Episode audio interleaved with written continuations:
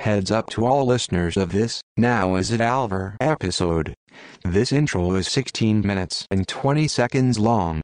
Feel free to skip ahead, but you will miss out on some serious rambling from OSL Airport Gardermoen. Now, let's start this podcast. Batteries not included. All right, folkens. Nå er jeg ute av min eh, komfortsone, for å si det. Men eh, det er jo det jeg liker å eh, Det er der jeg liker å være. Eh, Så nå kan jeg fortelle deg at eh, jeg er på Gardermoen, og jeg går rundt og prater i en mikrofon. Og ser ikke helt klok ut, for å si det sånn. Jeg går opp trappa, jeg har vært på toalettet. Og nå går jeg opp i Hvis dere er litt kjente på Gardermoen, så er det ei utenlandsseksjon. Og så er det en eh, Samson. Rett innafor eh, sikkerhetskontrollen, eller rett etter eh, taxfree-en. Åh, det er nice at vi slipper å bli slusa gjennom hele taxfree-en hver gang vi skal reise nå. Ok. Så det her er altså introen til podkasten. Og eh, jeg kan jo eh, jeg, skal, jeg skal holde I tradisjonens tro skal jeg gi litt shoutouts. Jeg skal prate litt eh, skit og eh, gi en liten eh, brief på hva du kan forvente å høre. Eh, Først kan jeg si at jeg faktisk eh, Du lurer jo sikkert veldig på hvor er han Hans Christian på vei nå? Hvor er programlederen og mikrofonen på vei nå? Jo, han er på vei til eh, Italia. Han er på vei til Italia, og eh, nærmere bestemt eh, Limone. Limone Sol Garde, tror jeg det heter. En liten landsby med en innsjø som heter Gardiasjøen. Gardasjøen. Du kommer sikkert til å arrestere meg nå, lytter. Jeg tror den heter Garda, Gardiasjøen. Eh, for der er det nemlig et Sky skyrace. Og for du som er helt ny til podkasten, så kan jeg fortelle deg at jeg er en eh, løper. Og jeg liker å springe i fjellet. Og der er det en løpegren som heter skyrunning, som ofte går over eh, Ja, det bruker å være ganske langt og ganske såkalt gnarly terreng. Som går over flere rygger og fra en liten, ofte fra en lite tettsted eller landsby eller by. Og så rett opp på de nærmeste fjellene. Eh, og så ofte i en loop og så tilbake til, til eh, byen igjen. Og Limone har, eh, har vel en ganske lang historie. Det er vel en av de der klassiske racene. Så jeg gleder meg veldig til å dra ned dit og, og gjøre det her racet. Vi får se. Jeg er ikke helt sikker på formen. Det er eh, Jeg har ikke hatt eh, Ja, jeg har jo på en måte tatt meg litt opp i det siste. Det er på tampen av sesongen, så kanskje, kanskje jeg klarer å prestere noe bra. Vi får se. Vi får se. Men det er ikke det denne episoden skal handle om. Denne episoden her skal handle om eh, eh, Den skal faktisk ikke handle om løping i det hele tatt. Den skal handle om eh, eh, krig. Den skal handle om eh, tegneserier. Den skal handle om hiphop. Den skal handle om eh, Ja. Du får nå høre. Du får nå høre. Jeg skal ikke spoile noe. Men eh, det er i hvert fall med en eh, kis som heter Sanjin Filipovic. Som er min eh, tidligere kollega og kompis.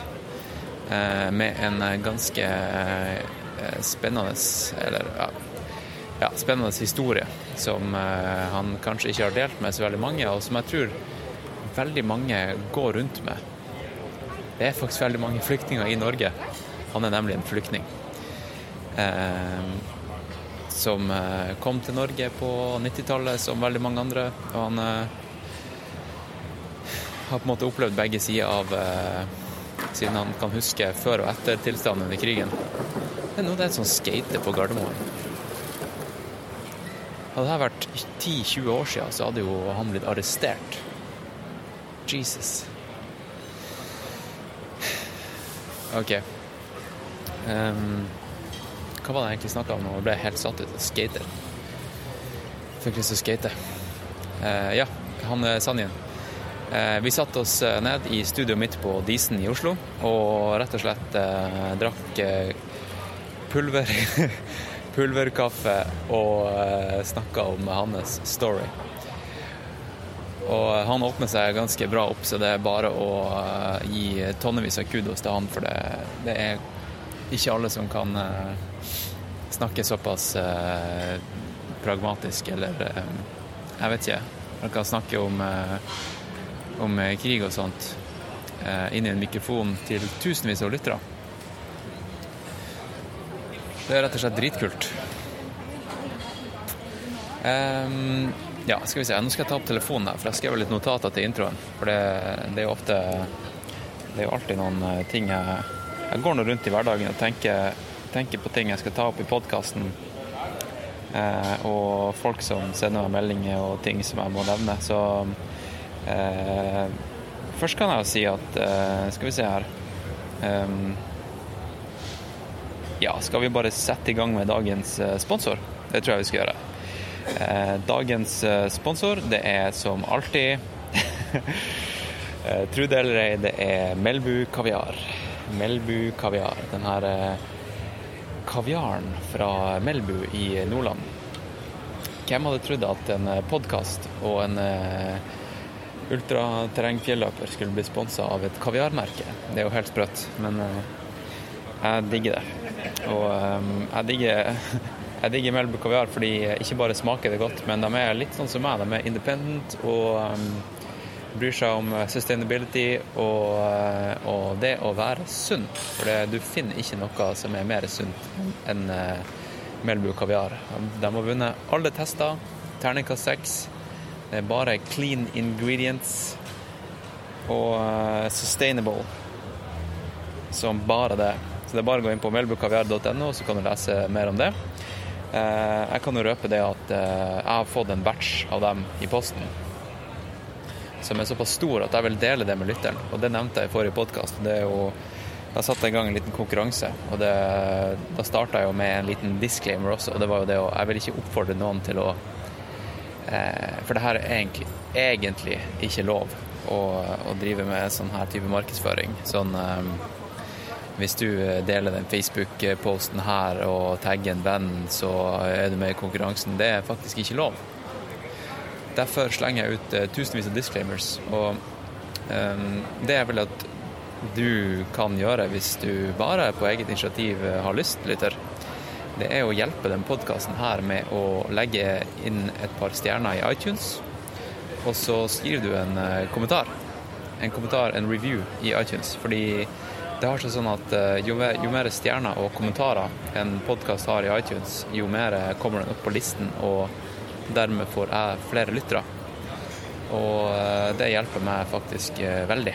Så um, hvis du har anledning å kanskje bruke et Apple, en iPhone når du hører på podkasten, så det hadde vært dødskult om du kunne gå inn. Og så kan jeg si det at hvis du legger igjen en kommentar, så kanskje kanskje du får en god dose med kaviar i posten. Hvem vet? Hvem vet? Eh,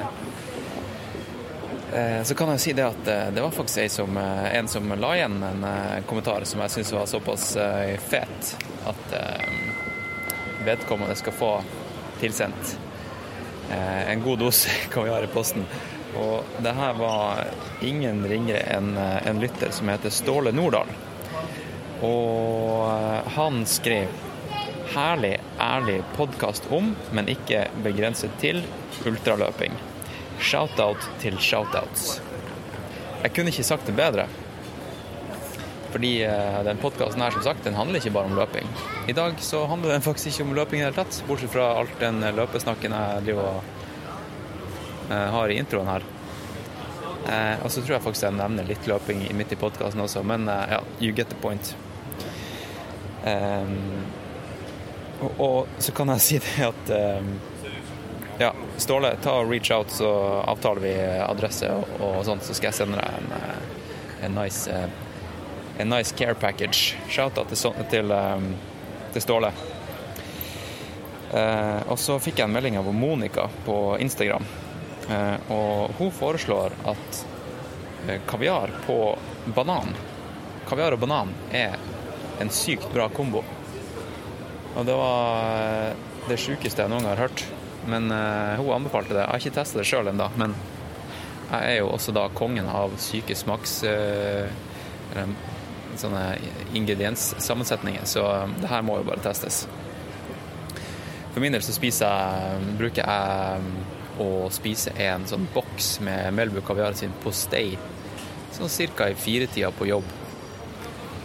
Og det er for meg det perfekte mellommåltidet.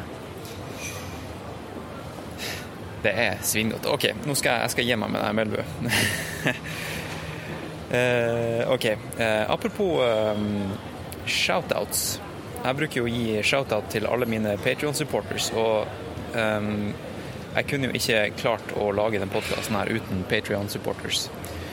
Og for deg som ikke vet hva Patrion er, så er jo det her en um, Ja, det begynner å bli mer og mer populært nå. Du begynner å høre det uh, mer og mer ute i um, på YouTube og podkaster og sånt. Um, og jeg har, jeg har, en såkalt Patrion-konto. Og det, det, er en, Patrion som tjeneste lar meg gjøre, det er jo å reache ut til dere lyttere på en mer personlig måte.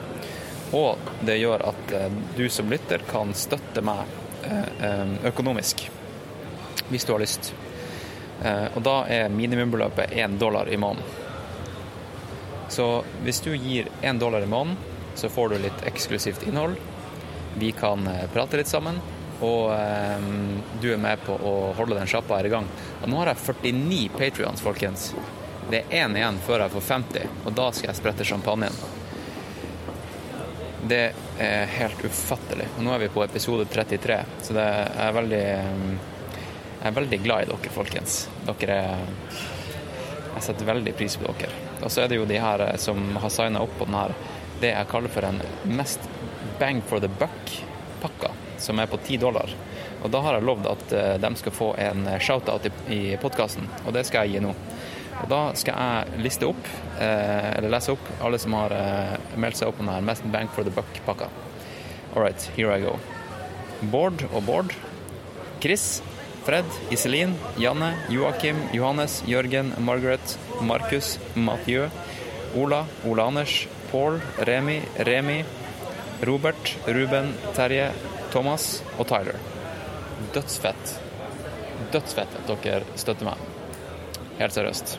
Jeg kan ikke gi nok Jeg kan ikke si takk mange nok ganger til dere. Nå tror jeg kanskje at jeg har holdt deg lytter på pinebenken litt for lenge. Jeg vet ikke. Den lengste introen i podkasten her har vært på sånn 20 minutter. Men nå har jeg snakka i ja, nesten 13 minutter. Nå skal jeg, nå skal jeg ta og um, og, starte dagens episode, så kan jeg si det at i shownotes så har jeg lista opp en del sånne her linker til soundtracks. For vi snakker en del om musikk. Hans Annin er jo har vært en uh, Eller er jo en rapper. Han digger jo musikk, så selvfølgelig begynte vi å snakke om musikk. Og det er litt sånn Jeg begynner jo å snurre plate på slutten av episoden også. Så um, bare gå inn på shownotes, sjekk ut linkene jeg har linka opp. Og så um, er jo det faktisk Jeg kan jo si det at uh, for deg som så at her om dagen så poppa det opp en, en ny episode av Noe det alvor i podkastappen din. Så Og så trykka du kanskje på play, og så funka det ikke. Det er fordi at det var ikke meninga at jeg skulle publisere jeg måtte, jeg måtte, trekke den tilbake, fordi det var faktisk Patrion-versjonen av, av podkasten. For det har seg nemlig sånn at eh, ofte så gir jeg Patrion tidligere, altså Patrion-supporters tidligere access til episoden. Um, uten reklame og masse shoutouts i starten og sånt, og kanskje en litt sånn personlig intro.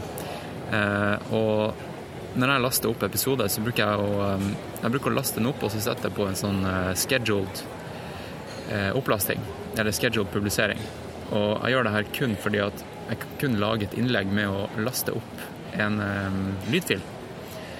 Og jeg liker å skrive shownotes god tid i forkant. Um, og så hadde jeg fucka opp med å satt Jeg tror det var onsdag som ja, i går som dato. Så da våkna jeg også opp med at det var en ny episode av eh, Noe det alvor i eh, Jeg fikk en notification, og jeg bare Shit. OK, jeg skal gi meg nå, folkens. Eh, bare så dere vet det, det, var, det er min feil at eh, den episoden ikke funka. Og eh, nå skal jeg la deg få høre denne deilige episoden med han San, Sanjin Filipovic. Folkens, han heter Sanjin, ikke Sanjin. Hvis du sier Sanjin og du møter han på gata, da blir det ikke god stemning, for han heter Sanjin. Right. Og nå skal jeg sette meg på flyet. Jeg tror kanskje jeg skal gå bort til eh, Nå ser jeg at Samson de selger, de pizza. Det skal jeg ikke kjøpe. Det er tidlig på morgenen. Jeg skal ikke ha pizza nå. Det skal jeg spise i Italia. Kanskje jeg skal kjøpe en bolle og en kaffe. Rosinbolle. Hvis du eh, eh, spiser rosinbolle, ta og bruk hashtaggen 'fueled by bolle'. Ta og Sjekk den ut på Insta. Det er masse fette bilder. 'Fueled by bolle'. Bare sånn apropos, da er det et uh, Instagram rabbit hole for deg som er gira på gjærbakst. All right. Kanskje, Nå var jeg egentlig ganske bra sånn her prateflyt. Kanskje jeg skal ta en sånn her uh, drepe litt tid etterpå og bare prate mens jeg går på Gardermoen og lager en liten Patrion-episode. Kanskje jeg skal gjøre det. OK? Og da ønsker jeg deg en riktig fin dag. Og så um, snakkes vi neste gang. Kanskje jeg lager en uh, en liten episode fra Limone. Kanskje jeg gjør det. Jeg tror jeg skal gjøre det. Så blir neste episode det blir en løpepodkast. OK? Eh, vi snakkes da, folkens. Ha det.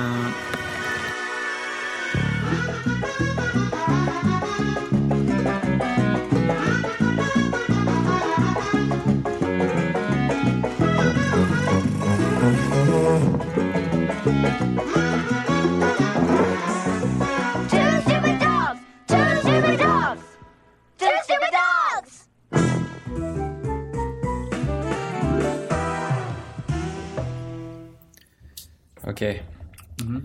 eh, nå merker jeg at mikken driver og bikker litt på, på den Jeg Skal ah, tape litt ekstra. Men vi kan jo eh, bare si at vi har begynt eh, episoden, fordi eh, Ja. det, jeg recorder faktisk nå. Ok. Så da Det er jo litt sånn soft start, da. Kjør med. Ja, hva du har gjort i dag da, Sanin? I dag eh, har jeg ikke gjort så veldig mye. Eh, Jeg sto opp, og så eh, tok jeg oppvasken. Uh, og så satt jeg faktisk og spilte Xbox. Ja, hva du spilte? Slett, eh, um, jeg spilte Destiny 2, som er en av mine favorittspill. Så Destiny? Destiny 2, ja. Så det er på en måte fortsettelsen på Destiny 1. Uh, jeg spiller veldig mye PVP, som er player versus player. Ja. Så det er, da møter du, da går du online, spiller mot andre online-spillere som sitter og gjør det samme som jeg ville gjort. Ok. Eh, Så det har jeg gjort i dag. Og hva det handler om? Eh, Hva det handler om? eh, Destiny har jo en story som er veldig Litt sånn forvirrende, men samtidig Hva skal jeg si Det er som en film. En typisk sånn sci-fi-film. Det er mye å sette seg inn i. Det er veldig fremtidig, men det er Eneste grunn til å spille det er egentlig fordi det er den kompetitive delen med spillet. At du bare går inn og så bare begynner du å herje med alle mulige våpen. og Du har jo tre klasser, for eksempel, da, eh, som er sånn superhumans. Hunter Warlock og Titan. Og Titan er min favoritt. Ok. Um, um, og så går du inn, og så begynner en match. Og så jo mye mer du dreper, jo mer fyller du opp superen din. Altså Til slutt så kan du på en måte bli sånn udødelig i et par sekunder da, når superen din er aktiv. da. ok. Og det er det som på en måte føler litt som en gud i spillet der, kan du si.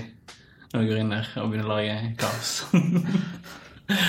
Så det er det som jeg på en måte liker med spillet. Det er litt sånn at du føler det veldig skal si, gudaktig, ja, uovervinnelig type. Hvordan er det, hvordan er det visuelle i, i spillet? Uh, Det visuelle, hvis du kan eh, beskrive det til eh, lytteren. shit. Det varierer veldig, for det er mange forskjellige verner. i Ja, men, men alle, alle spill har på en måte sin visuelle profil. Ja, det er veldig sånn apokalyptisk uh, Type som om uh, Type som alle sånne type uh, apokalypsfilmer. Liksom. Det er en stor by, og så har eh, det vært krig der, og så er liksom alle på flukt. Og det er veldig mye sånn distractions, men samtidig noen nye bygg som på en måte er sånn bygd opp av nåtidens eller fremtidens mennesker. Ok. Ja, er det sånn. Det er jo egentlig eh, Vi har snakka litt om agendaen for hva vi skal snakke om i dag. Ja. Det høres jo litt ut som at jeg kunne jo bare spora oss rett inn på det. Men før det så tror jeg at eh, du skal få si hva du heter. Det kan jeg si. Um, jeg heter Sanjin uh, Filipovic. Uh, jeg er uh, 35 år. Uh, Hvilken årgang er du da, når du er 35? uh, 1983 er jeg faktisk. Ja, ja. Mm. Så begynner jeg å dra på året, kan du si. Men 80-tallet var jo bra år, da, så det Jeg må jo få Føler meg litt sånn stolt av at det er 80-tallet, også. da, Og ikke 90-tallet. Nei, ikke? Ikke noe galt med det. Jeg altså. er, også, jeg er jo 89. Yes. Så du er rett innenfor eh, de gode årene. Yeah. ja. Og eh, ja, født i 83. Sann er navnet. Og uh, hvor er det du ble født? da? Jeg ble født i et sted som heter Travnik i Bosnia-Hercegovina. Ja. Uh, og der bodde jeg. Uh, og så har jeg en far som er kroater. Mm. Heter Berislav Filipovic, og min mor er bosnier. Så jeg er en måte miks av uh, halvt kroater og halvt bosnier. All Så right. mange barn uh, fra Jugoslavia er faktisk. ja. Uh, så ja, det er min litt sånn bakgrunn. Jeg visste ikke at du var miks. Jeg var miks. Ja. Og så har jeg bodd i Kroatia, bodd i Bosnia. Ja, jeg var litt sånn fram og tilbake der. Ja. hadde jo også Vi dro ofte mye vi hadde, Fra pappa sin side så var det jo mye folk, familie i Kroatia. I Dubrovnik, eh, type Zagreb. Og mammas side så var det mye folk i Bosnia, så vi pleide liksom å gå fram og tilbake litt sånn. ja. Bodde litt her og der. Hvordan, hvordan var det på 80-tallet? 80-tallet, sånn som jeg husker det. Sånn, hvordan husker du det? For du, du kom jo Det her skjønner jo lytteren at eh, du kom deg jo til Norge etter hvert, men vi, vi skal komme dit. Hvordan, hvordan var det i, eh, i Kroatia eh, under oppveksten På på tiden 80-tallet? Kroatia og Bosnia Altså, jeg bodde jo litt sånn forskjellig. Mest i Bosnia, da. Fra, fra starten av liten. Uh, jo, uh, det var egentlig veldig fin oppvekst. og Jeg vil si sikkert helt liksom som du hadde det på 80-tallet i Norge, vil jeg tro. Eh, Helt normalt. Eh, det var jo ikke noe krig på den tiden der. Uh, de, det som jeg husker mest, er vel uh, er jo faktisk mange tegnefilmer som knytter meg til 80-tallet. Så Transformers var jo Hvis jeg skal huske liksom riktig hva jeg gjorde da, så sånn, Jeg så veldig mye på Transformers da jeg var liten. Det var liksom 1986 kom de første filmene. Sånn, 80, ja, 84 kanskje. Det er det jeg på en måte husker med, med 80 med 80-tallet. Og så husker jeg godt at eh, der hvor jeg bodde, så fantes det en eh, danseskole faktisk ikke så langt unna hvor jeg bodde i Bosnia, rett okay. over en bro. Eh, og der var det sjukt mange folk som eh, breaka. Jeg husker det var, de la, pleide å legge sånn pappesker ned på, på asfalten rett, rett ved siden av en sånn uh, pingpongbord som Ja. er typ sånn, lagd av mur, du vet, som de har rundt for Løkka og sånn. Ja, ja. Spesielt på basketballbanen der borte. På den tiden skjønte jeg jo ikke hva, hva det var, egentlig. Jeg så bare at folk uh, spant på ryggen, og altså, så var jeg liksom Hvordan musikk var det han spilte? da? Jeg husker faktisk ikke det. Var det hiphop, liksom? Det var nok hiphop um, sikkert som jeg jeg kan liksom connecte med Som jeg ikke kan på en måte gjenkjenne der. Da. Men eh, det, de hadde liksom en type sånn stereo som var liksom på bakken. Ja. Altså da bare breaka de rundt. Noe som på en måte var veldig merkelig første gangen jeg så det. Men det var utrolig mange barn som hang rundt der og så på disse folka her. Eh, og det var liksom kanskje mitt første møte med hiphop, da, kan man si. Uten at jeg visste hva det var. På en måte. Så Ja, ja. super Så det husker jeg mest med 80-tallet. Jeg husker disse gutta som breaker veldig mye rundt. Og så eh, pleide å se utrolig mye på tegnefilm husker jeg, var kid. Eh, altså lange ferier til Kroatia husker jeg, med, med pappa og mamma. Til kysten? Ja, til kysten. ja. Makarska-kysten. Vi pleide å gå det veldig mye der. Og fiske og sånn. Eh, Pappa elsker fiske. Ja. Eh, Så det Fisker vi med chilla, så dro vi hjem igjen til Bosnia. Eh, Ja. Det husker jeg mest med 80-tallet. Ellers så husker jeg ikke så, så mye. Jeg, jeg, jeg har ingen forhold til eh, Transformers. Nei. Jeg har ikke vokst opp med det. Nei. Jeg så en del på um, Jeg tenker tilbake på Jeg bodde ett år i Sverige. Ja. da jeg var fem år gammel. Mm. Og jeg husker spesielt tegneserier derfra. Fordi der hadde vi kabel-TV. Det hadde vi ikke i Norge. Ah, okay. Eh, I Norge så var jeg en av dem som eh, Ja, vi hadde bare NRK. Og så Det var tidlig på 90-tallet. Vi hadde ikke engang VHS-spiller. Men da vi skulle se på VHS, så brukte vi å leie Leie VHS-spiller fra video, Videoverden, heter det. Det stemmer. På Stakkevollveien i Tromsø. eh, Videoverden. Og så husker jeg For at mora mi jobber på barneavdelinga på sykehuset. Og selvfølgelig, der har de jo masse tegneserier til eh, tegnefilmer til kidsene. Noen ganger, hvis jeg var heldig, så kunne hun kanskje låne med seg hjem. Med seg hjem. Liksom en sånn her Hva da? Flintstones, eller noe sånt. Flintstones, som var sånn skik skikkelig eksotisk. Ikke bare sånn Disney, men Ja. jeg syns Flintstones var veldig sånn Det var dritfett. Og så, men i, i, da jeg bodde i Sverige, da husker jeg at uh, da var det Det var sånn serie med Langbein og Sønn. Husker du det? Uh, jeg tror kanskje jeg husker det. Ja. For det var liksom Goofy og Hva het sønnen hans for noe? jeg husker, ja, Max het han. Ok, ja. Det, Det kom en spillefilm også med, med, med det Ja, her. ok, jeg husker Jeg, jeg det. syns det var så jævlig fett. Men det var i hvert fall uh, et av de få sånne det er veldig mye sånn tegneseriereferanser til uh, i hvert fall 90-tallet også. Sånn Cartoon Network var jo Jeg så veldig mye på det. Ja. Der var det jo sjukt mye sånn uh, Dexter, hvis du husker det. Ja. Dexter's Lab var det vel. ja. Uh, Two Stupid Dogs. uh, sa du Johnny Bravo. Husker du han? Two da? Stupid Dogs. Ja, ja. Det uh, husker jeg sykt godt fra Sverige. Yes. Og jeg har ikke klart å komme på hva Jeg har liksom prøvd å google, google meg frem til det. Det var dritfett. Ja, ja, det var dødsfett. Det er den kuleste. Faen, jeg notere det. Jeg, jeg skal ta fram notatblokka. Så Ja. jeg skal bare to sekunder. Gjør det. Det må jeg. Ja, hvordan andre? Um, hvilken andre var det? Uh, Jetsons. Det var en sånn familie som bo- bodde på en eller annen planet. Jetsons. Så hadde de sånne space-mopeder som de kunne kjøre fram og tilbake med. Ja, ja, ja. Jetsons. Men her er ikke ting som jeg liksom har vokst opp Eller sånn, jeg har vokst opp Ja. med det, men jeg har ikke sett på det hver dag, fordi vi hadde jo ikke kabel-TV. Men jeg har bare fått det med meg at det eksisterte. Uh, ja. Two Stupid Dogs, så det må jeg notere meg. ja, Johnny Bravo var også veldig morsomt. Husker du det? eller? Nei. Det var en Altså, det er kanskje den morsomste tegnefilmen ever. En veldig sånn fyr som elsker seg selv og bare syns det er beste om seg selv.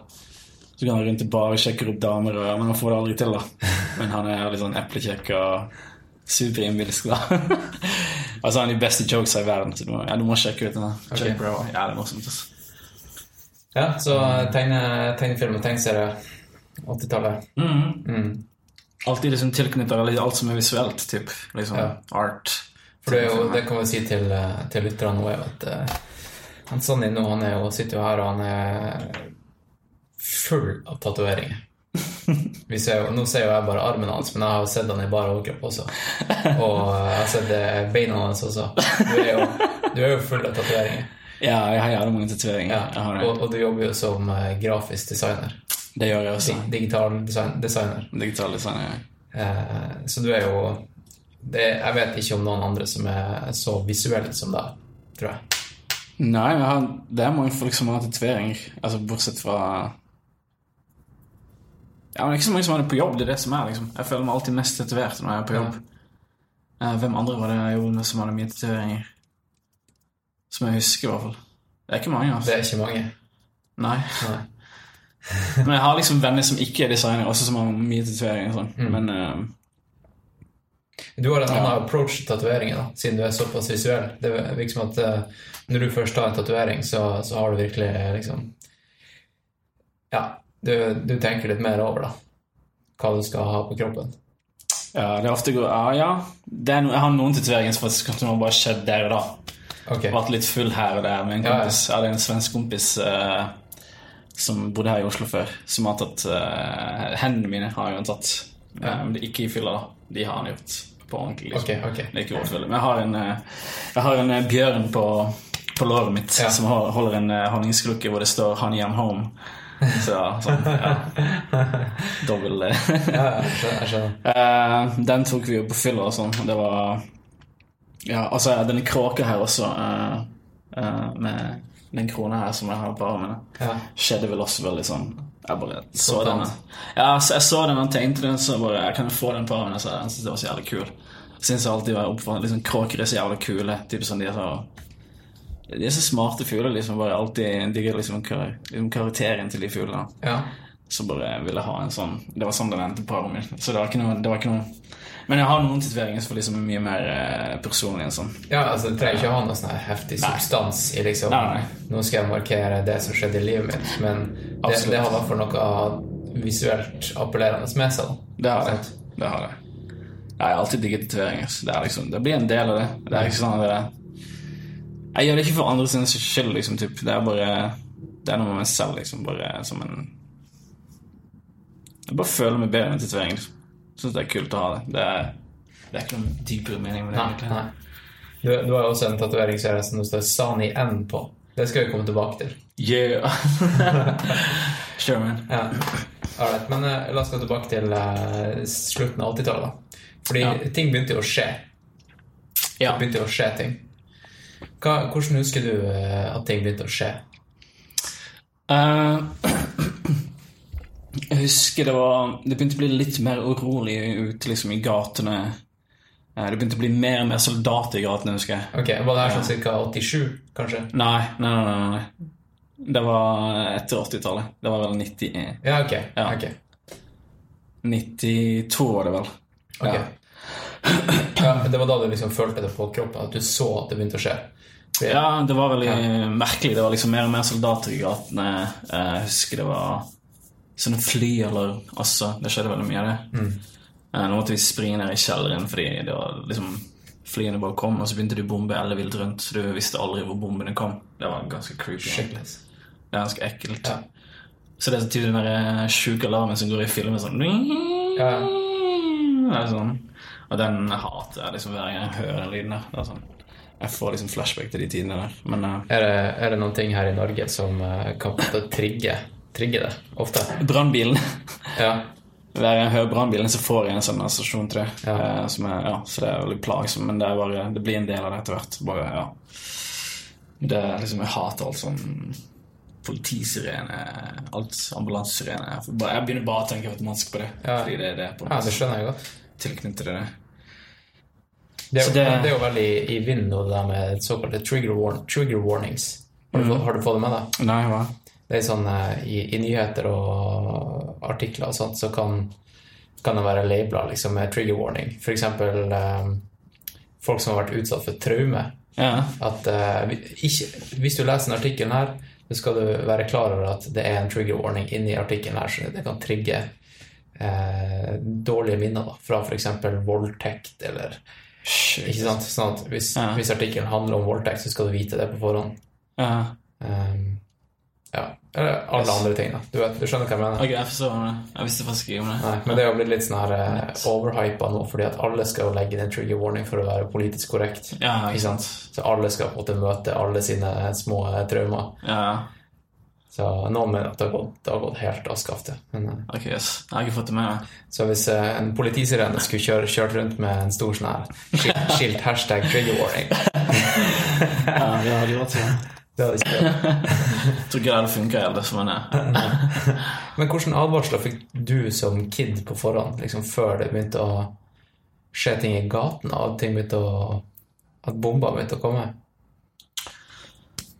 Nei, det var vel foreldrene mine som uh, sa ofte Iblant så var jeg jo sånn uh, Altså, skolen min var jo bare sånn steinkast unna hvor vi bodde i Bosnia. Ja. Det var en bro som uh, Fra huset vårt gikk det en bro over på andre siden av gata, og Ja. der var skolen, liksom. Så det var sånn veldig kort vei. Eh, og det var sånn Jeg fikk jo beskjed, klar beskjed av mamma og pappa sånn Ok, hvis du hører flyalarmen, så bare Da springer du enten hjem, eller så bare Tror jeg lærere fikk beskjed at de hadde sånn bomberom på skolen. Ok. Hvor alle kids ble å springe inn hvis det kom en sånn eh, kom en sånn alarm. da. Så det er sånn noe, måtte, noe man måtte forholde seg til ofte da, på den tiden eh, eh, før vi flyttet til Norge. da. Eh, så sprang vi veldig mye frem og tilbake, både på skolen og hjemme. Og det var sånn, ja, det var litt sånn Det er litt sånn slitsom, slitsom ting, faktisk. Men tenk på det, det var ganske mange fly, flyalarmer i løpet av de to årene som jeg bodde der, altså, før vi flytta. Ble det litt sånn ulv-ulv? Du begynte eh, Ja, vel, noen ganger så var det det. Eh, noen ganger så var det, skjedde det at de flydde på en måte helt på andre siden av byen. Så på en måte hvor vi var, så skjedde det ingenting. Nei. Men du kunne høre når bombene datt ned, for det var jo liksom de bombene som ble sluppet ned. Det er ganske en heftig bom, liksom. Er jo, kan jo ta ned et, helt jævla bygg liksom, bare messe, liksom. Det er helt sjukt, altså.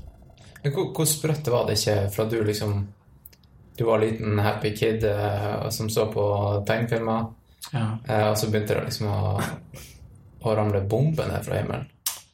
Det var litt sånn urealistisk. Liksom. Altså, når, det først, når det begynte først skje, så skjønte jeg ikke alvoret med det. Jeg tenkte sånn, det her var bare Det var som en film. Det var helt jævlig weird. Ja. Det var sånn Kunne liksom ikke helt forholde meg til det før jeg Før jeg skjønte liksom eh, Etter et par måneder så skjønte jeg alvoret. Liksom. Jeg så folk dø i gatene.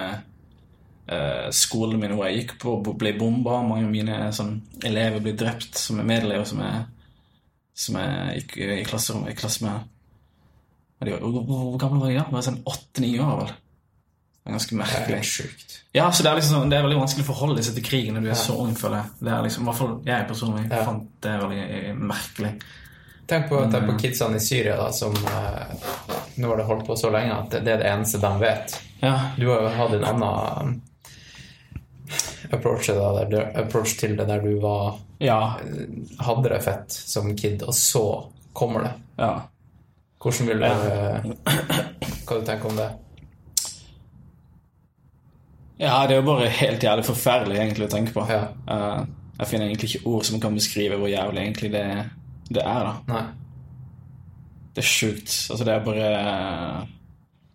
Krig er liksom absolutt ingen burde liksom oppleve. Det er bare Det er helt jævlig merkelig. greier, Altså.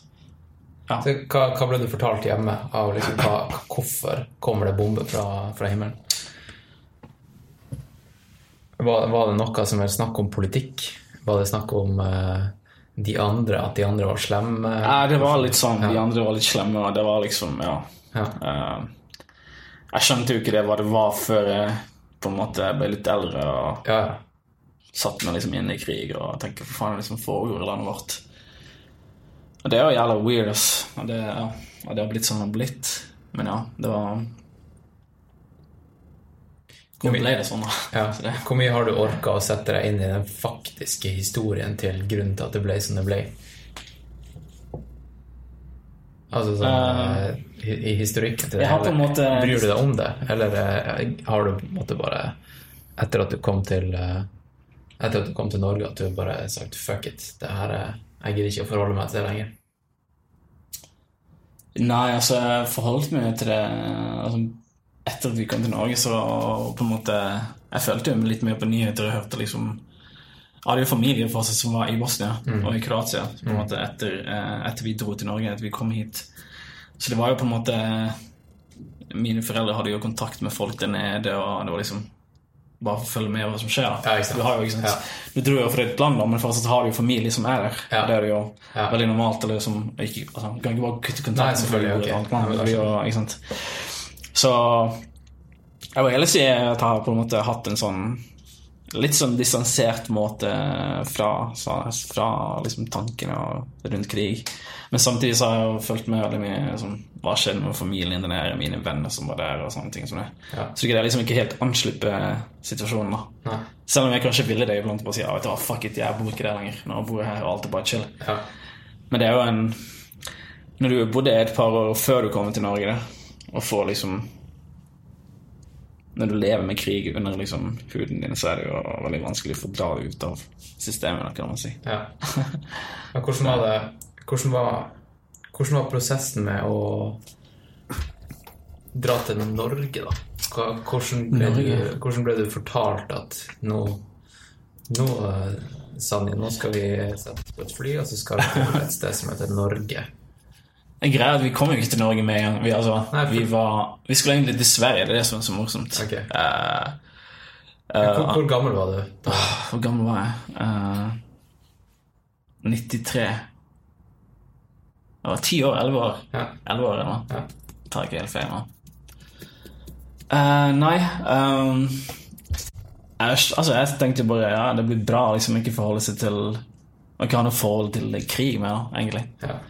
Så jeg gleder meg jo egentlig til å flytte, da. Um, vi venter, vi vendte jo ikke opp i Norge med en gang. Vi bodde først i, i, um, i Kroatia, fordi uh, faren min uh, er jo som sagt uh, Han var ganske høyt oppe i militæret. Jeg skal ikke gå inn på de tallene der nå. Jeg skal ikke snakke om det, men Uh, Og han dro oss med til Kroatia, og vi bodde på en militærbase i to år Ja. uh, før jeg kom til Norge. Eh, På, på eget initiativ. Han dro dere dit fordi det var Han dro dit fordi det var helt jævlig å være i Bosnia. Det var helt umulig. altså det, Huset vårt ble liksom eh, bombet, og det skjedde mange andre ting. Ja. Det var liksom bare, ja Så vi endte opp med å bo i Kroatia, hvor det var liksom mer trygt. Men vi bodde på en militærbase, da. Og langt oppe i fjellet som heter Tjørsnica. Og det er liksom eh, 2800 meter oppe i lufta. Ganske høyt. ja. Og på vinteren var det helt Du kan ikke komme med bil eller noe, for det er sånn 5-6-7 meter med snø der. Det er helt insane. Så det er bare helikopteret som kan lande der. Jeg har faktisk gamle bilder av det et sted som er tatt med sånn skikkelig gammelt foto. Og, ja, jeg har bilder. Ja. Ja. Jeg har et på Instagram, faktisk, Ja. hvor jeg holder et gevær og sånn. Det er derfra. Så der bodde jeg i to år, og det var jo helt jævla fjernt, da, fordi det er eh, det var liksom kanskje sånn 10 kilometer ifra så delte, delte det den serbiske grensen. Og på militærbasen så var det en stor antenne da, eh, og du kunne på en måte høre all kommunikasjon som foregikk mellom eh, alle disse landene. Liksom, okay. på tvers. Det var sånn. Og noen ganger når du, eh, kunne du bare tvike det sånn på radio. Du sitter der og bare snur liksom, vrir Ja. på knappen for å se om du får noen frekvens. Ja. Og noen ganger så fikk vi kommunikasjon med de andre tårnene som var i Serbia. Og da var det sånn Jeg husker bare noen, noen soldater bare, de hadde sånn joke om hverandre hvem som skulle drepe hvem, og når de skulle komme til vår militærbase. Det var helt jævla weird. altså. Det husker jeg veldig godt. Som var supermerkelig. Så jeg satt der som ti år og bare hmm. Jeg hørte på disse rare samtalene de hadde der. Altså, de bare lo alle sammen. Fordi liksom, ja, hva annet skal du gjøre, da? Ja. Sitter jo der i, langt oppe på fjellet og har ikke noe annet å gjøre, egentlig. Så det var helt merkelig. Altså, det endte opp med Det jeg gjorde, var jo bare satt der og Ja. Sprang rundt den militære basen, ble kjent med alle soldater. Og så ble det å rense gevær. Geværene til alle soldatene, husker jeg. Okay. Som Kalasjnikov eh, 47 og alt det der. Ja. Pleide å sette det fra hverandre, rense det. Det var det på en måte De, de lærte meg til å gjøre det, for de orker ikke det selv. Og jeg hadde ikke noe annet til å gjøre, så jeg pleide å rense geværene og pistolen og sånn. Til alle soldatene. Altså. Og til faren min sin Ja, du ble ja. ekspert på våpen. Jeg er ikke ekspert, men jeg kunne sette det sammen Ja, fra ja, ja. uten, å, uten å på en måte Mekanikken. Ja, Ja. det var veldig lett, egentlig. Ja. Det er som å legge klasse. Så er det fra hverandre. så det er jævla sjuke greier, altså. Alt det der. Og det er liksom Tenk andre barn i dag. Jeg tenker på det her. Noen ganger så slår en tanken min. tenker jeg, Hva faen jeg gjorde da jeg var så liten? Ja, ikke sant? Og så tenker jeg på barna som jeg ser i dag. Som på en måte Mine venner har jo også barn. Ja. På den De lever jo ja, på den alderen nå. Så det er sånn Faen, de gjør noe helt annet. Liksom. De springer rundt på Sofienbergparken, liksom, spiller fotball. Kanskje spiller fotball, eller ja, er med i en park og bare gjør helt sånn ordinary ting som vi pleier å gjøre nå. Hvis du var på en 3000 meters fjelltopp og rensa Kalasjnikov Nettopp. Det er jo helt jævlig å tenke på. Så det er jo sånn, ja. Nå syns jeg det er veldig morsomt å tenke på, men før var det jo bare ja, Ja. merkelig opplegg. ja, det er Ja. sprøtt. Ja, så det er krig tar det jo Fører jo mange rare veier, for å si det sånn. Mm. Ja, ja. Ja, så du var der et par år? Yes, og så skulle vi til Sverige, for det er Sverige åpner grensene før Norge. Eh, men det var et eller annet med Faen, hva som skjedde? Eh, vi prøvde å komme, så kom vi ikke gjennom en grense. Et eller annet, De stoppa oss. Eh, og så endte vi opp med å dra til Tyskland, hvor tanta mi bodde. Så søstera til mora mi. Og der bodde vi i Dortmund, en by. Jeg vet ikke om du kjente den byen? Uh, Ja, det jo, by. ja, Dortmund. Så vi bodde der i ca. seks-sju måneder. Før vi tok flyet videre til Skandinavia. For da, da stengte Nei, da åpnet Norge grensene etter seks måneder eller sju måneder. Okay. For Sverige hadde stengt de. Eh, og da bare tok vi det nest beste, kan man si. Eller Ja. det beste, kan man si nå. Men var, ja. Men var, det, var det Sverige, Tyskland og Norge som var liksom uh, stedene å dra til, da? Det virker som at det var mange. ja, det var USA også, tror jeg. Okay. Det var mange som dro til USA også. En del folk. Ja, Men i Europa var det nok Sverige og Norge, og så var det Tyskland. Ja. Tyskland har ganske mange jugoslavere som dro under krigen, Ja, som flytta dit. fordi det har ikke vi sagt uh, enda, men eh, vi har jobba sammen. Vi har vært kollegaer i mange år. Ja. Eh, og vi fikk jo også en kollega som eh, eh, Han hadde vel bodd i Tyskland Han, han, bodde, han, han hadde litt sånn samme story som deg, ikke sant? ja. Han, han Men, til men de Tyskland. dro til Tyskland? ja, Ja. de dro til Tyskland, så de var jo der. Mm. Så det, ja. så det er jo mange mange jugoslavere i Norge. Sverige også mye. Tyskland i hvert fall en del. Det vet jeg.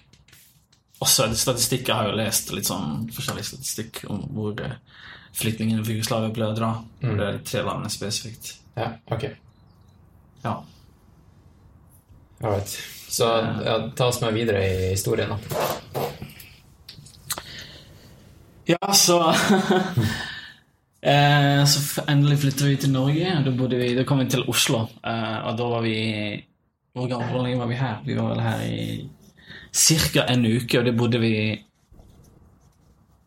på en eller annen en eller annen halv, tror jeg. Og jævlig mange flyktninger som var der. Før på en måte vi ble sendt videre til stedet da, hvor alle de skulle bo. Og så endte vi opp med å bo på en sånn eh, feriesenter som heter Tyrheim, som ikke er så langt unna Oslo. Okay. Det er mot Norefjell.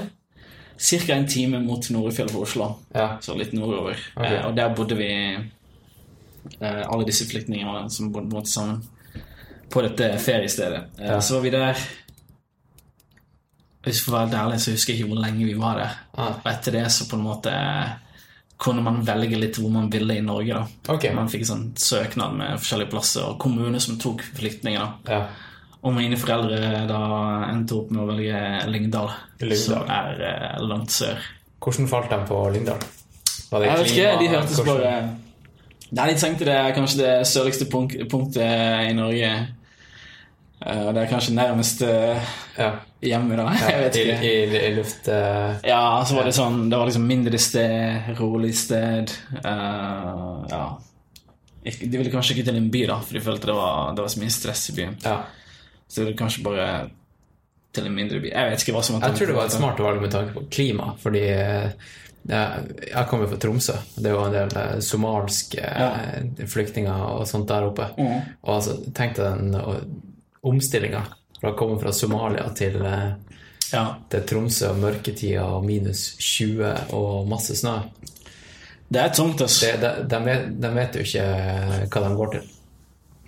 Nei, selvfølgelig ikke det. Og, ja. altså, jeg har ikke, jeg har ikke bodd i Tromsø, så jeg vet ikke, men jeg vet jo at selv i Oslo er det jo ganske mørkt. Men jeg kan ikke tenke meg hvor mørkt det er der oppe, egentlig. Nei. Så det er jo, ja. Det er en omstilling, altså. Det er, ja. Ja. Så hva, hva er det første minnet du har av Lyngdal, da? Og hvor er Lyngdal? Det er, det er ikke så langt unna Kristiansand? Det er vestover for Kristiansand, så du har eh, Kristiansand, Ja. og så har du Mandal, Ja. som er en sånn mellomstorby. ja. Og til venstre for det så har du Lyngdal. Mm. Eh, og så har du Flekkefjord oppover helt mot Stavanger. da. Så det er vestover. Cirka tre kvarter Kristiansand ja. med bil. Hva, hva er det første minnet du har derfra? Første minne fra Lyngdal, wow, det er eh, Rossfjordstranda, husker jeg. Det er ikke så langt unna hvor pappa. Når vi kom der, så var det bare Det var liksom Kanskje fordi Det minner meg litt om Kroatia, den stranda som var der. Mm. I Kroatia så var det sånn spesifikt et sted hvor du kunne finne, kun finne én strand eller to strender som har sand. Og når vi kom til eh, Lyngdal, Rosfjordstranda, så var det eh, det, er jo, det er jo bare sand der. Ja. Så var sånn, Kanskje jeg fikk sånn flashback eller en connection med den stranda der hvor vi var før. Og den stranda vi kom til nå. Så det var sånn Ok, shit, det, jeg føltes litt hjemme, da. Og så var det selvfølgelig ingen krig også, da, så det var sånn Ok, nå kan jeg bare egentlig gå ut uten å tenke på at eh, det er snipere og bomber og ja, alt mulig helvete som kom Som man pleide å møte ute på gatene i Bosnia. Um, så jeg har litt sånn eh, Jeg vet ikke. Det er kanskje det første jeg tenker på når jeg tenker på Lyngdal. Så tenker jeg alltid på den stranda på en merkelig, Mm. på en merkelig måte. Som en litt sånn befriende følelse, kan man si. Ja, Mm. det tror jeg. Ja, ja. Men hvordan, eh, dro dere dit med mange andre fra mange andre flyktninger? Ja, vi var jævlig mange. Jeg tror vi var ca. Kanskje 40-50 andre. Ok. Ja, Og hvordan, alle, alle til Lyngdal? ja fordi eh, Lyngdal kommune var De tok imot flyktninger. Det var en sånn flyktningbase, kan man si. Og så bodde vi på et et stort hotell.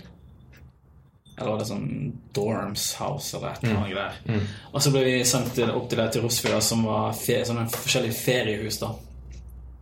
Eh, hvor vi bodde. Og der var det typ sånne små hytter som var rett ved, ved en strand, da. Og så pleide man Hvor mange var vi egentlig? Vi, vi delte vel en, en sånn leilighet sammen med en annen familie, vel. Min familie og min til familie. For det var jo to, eh, to plan. Nede Ja. var det soverom, og så var det opp- oppe i andre etasjen var det soverom. Ja. Og så var det et kjøkken, liksom. Så var det en type sånn lite, lite veranda ned mot stranda. Altså, det var ganske fint, egentlig. Uh, og det eksisterer jo ennå i dag. Det er blitt mye større og sånn. Uh, så når jeg dro det hjemme sist, så er det blitt mye større og mye finere og sånn. Men det er fortsatt det er der, liksom. Det er mange flere Rogaland som flytter dit for å bo der. Ok. Ja, faktisk. Det er ganske merkelig, altså. Så Lyngdal vil bli større nå, som en by. Så selv om jeg ser ikke Lyngdal som en by, jeg ser på det som et veldig lite drittsted. Ja. Men da, eh, etter hvert så um, måtte dere jo ordentlig etablere dere, da. ja, vi etablerte oss, ja. Uh... For det, vi, uh, måten vi på en måte Eller jeg fikk tanken uh, med å liksom lage en podkast med deg det var, Vi var jo nede på Tok en kaffe på, på Løkka. ja. Og så Det var vel en, en kjempevarm sommerdag eller noe sånt. Vi lå i gresset og ja, det var nå i sommer. ja. Ja. Og så prata vi om, om liksom akkurat den prosessen her, da, og, og hvordan det var å integrere seg i det norske samfunn. Mhm. Vi satt sikkert, Jeg husker ikke hvordan vi kom inn på det. Vi satt sikkert og så på noen som tydeligvis altså helt tydelig ikke var integrert. Og så slo, slo tanken med at nå er jeg jo her med Du er jo faktisk en flyktning, og du er faktisk sykt bra integrert. ja. Og det er jo på en måte en Føler jeg en fellesnevner med alle som kom til Norge i forbindelse med den krigen, er at Ja. den, den, den gjengen der, den bare ble nordmenn. Veldig fort, da. ja, Hva, tror hva, er hva tenker du om det? Ja, jeg har det lest utrolig mange artikler. Det finnes jo hvis du bare googler liksom jugoslaviske flyktninger. Um, som du sier, så er det jo den gruppa som har hatt mest integrering i det norske samfunnet.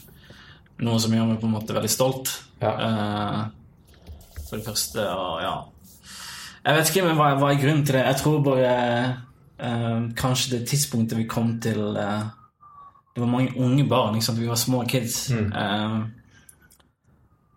og vi har jo veldig strenge foreldre, jeg må si, folk som ikke vet det her. da. Alle bosniske foreldre er liksom Du skal gå på skole, du skal fullføre skolen.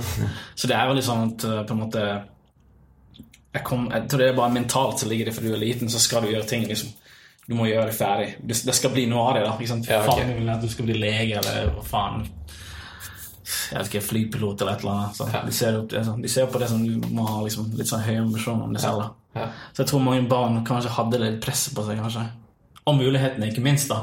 I Norge har de jo et hav av muligheter. Ja, bli Og det er så sikkert foreldrene eh, deres, Nettopp. og eh, de ville at dere skulle bare gripe mulighetene. Ikke sant? Og når du kommer hit, så hvorfor skal du ikke gripe muligheten? ikke Ja. sant? Så det endte jo opp med at uh, mange er liksom, sitter jo med dritbra stillinger som ikke sant, lege og alt mulig. Ja. Jeg vet ikke, jeg sitter sikkert og jobber i bank med sjefsstillinger og ja. ja, professor og alt mulig, egentlig. Ja. Som var sikkert ganske bra betalt, da, vil jeg si. Ja. Så det er jo Det er ganske sprøtt, egentlig, å tenke på. Ja. Men samtidig litt kult, da. Så det, ja. Tror du, tror du det har endra seg noe? Tror du man kan se på det fra andre sida også, med nordmenn? At uh, for nordmenn så var det ganske fresht med, med konseptet 'få flyktninger'. At vi, vi eh, Tanken om at det, det kom flyktninger, det var ikke forbundet med um, noen som kom til landet for å snylte, f.eks. Det var Vi kunne virkelig sympatisere med, med dere, at dere var her fordi det var faktisk krise i landet deres. Dere trengte hjelp. Ja, det kan godt være det var sånn før, Ja, ikke sant? men nå har jeg jo litt annerledes bilde av uh, Altså ikke av nordmenn, da, Nei, nei. men eh, problemet er jo altså hele det med å komme sykt mange flyktninger, så blir de ikke integrert. Nei. Og så blir det veldig mye ikke sant? dårlige medieomtaler. Det blir Ja. rasisme, det blir mye kommentarer på Facebook. Så vi var F, ja. Vi, har, vi var nok litt heldige at vi kom på en måte til Norge på den tiden der. da. Ja. Men nå er det jo, selv om det er mye krig i andre land også nå i dag, eh, så har jo Sverige har jo det sjukt vanskelig. Sånn. Veldig mye problemer med integrasjon. Ikke sant? Med, med at flyktninger ikke integreres, og at det er eh, ja, utenlandske getto og alt det der. Jeg vet ikke om jeg skal tro på det eller ikke, men ja, det er, jo, det er sikkert det. Jeg vet ikke. Så det er jo Jeg vet ikke. eh, hva skal jeg svare helt på det? Nei, vi trenger ikke å snakke Nei. så mye mer om det. Ja, Men, uh... og så Jeg føler vi er litt heldige at vi kom eh, på akkurat det tidspunktet ja. Eh, som kanskje er det I dag er det kanskje litt, litt mer vanskelig å integrere seg. Men det har også, jeg tror det har så veldig mye å si med bakgrunnen, hvor du kommer fra. Er du villig til å lære norsk? Er du villig til å Ikke sant Noen kommer jo til Norge, og så er de ikke villige til å lære norsk. Kanskje foreldrene ikke eh, ikke sant, vil ta en del av det norske samfunnet og Ja. bare trives med å få eh, sant, sosiale penger. Nei, det, er, liksom, det er mange faktorer der. da. Ja, altså, hvor du kommer fra, ja. sant, bakgrunnen din, kulturen din, alt det der. Det, det er så jævlig mye. Vi var jo på en måte Jeg vet ikke, jeg kanskje føler jeg alle liksom, som fra Jugoslavia hadde litt av det der eh, Ville integrere seg, da. ja. Det var jo et mål liksom, til å komme og få et bedre liv og gjøre noe ut av det. da. Ikke bare komme og ikke gjøre noe. da. Nei, jeg bare justerer det på Ja, mikrofonen. ja. ja. Ja. Nei, altså, ja. Men ja, det er jo et stort problem i dag, som alle vet. Så ja. Ja, ja det, det, det trenger jeg egentlig ikke å snakke så mye mer om. Nei, det er ok. Um, ok, fett. Så da Da, um, da var du i Lyngdal. Da var jeg i Lyngdal. Var det, hvordan tok kidsene dere imot i klassen? og sånn her? Hvordan var, hvordan var første skoledag? Er, skoledag var er det varmt her? Bare ta opp døra hvis du Ok, ja, jeg kan ta opp døra litt. Det er faktisk jævlig fint vær i dag. Ja, det er dritfint. Uh, Lyngdal, hva det var det? Uh, da var kid. Ja, det var både bra og kjipt, egentlig. Uh, jeg tror liksom å komme til Lyngdal var egentlig bra, men samtidig så var det jo ja, Jeg Du vet sånn uh, Hva skal jeg si Sånn small town mentality. Sånn bygdementalitet. Sjukt mange i Lyngdal som var på en måte jeg tror ikke de skjønte helt hva som skjedde, hvorfor det kom så mye flyktninger der. Det var, det var kanskje litt sånn fremmedfiendtlig fra starten, vil jeg tro. Fordi Ja, Det må ha vært, vært helt space for dem å bare få en gjeng med flyktninger dit. ikke sant? Jeg tenker det. Eh, det var bare Ja, jeg vet ikke.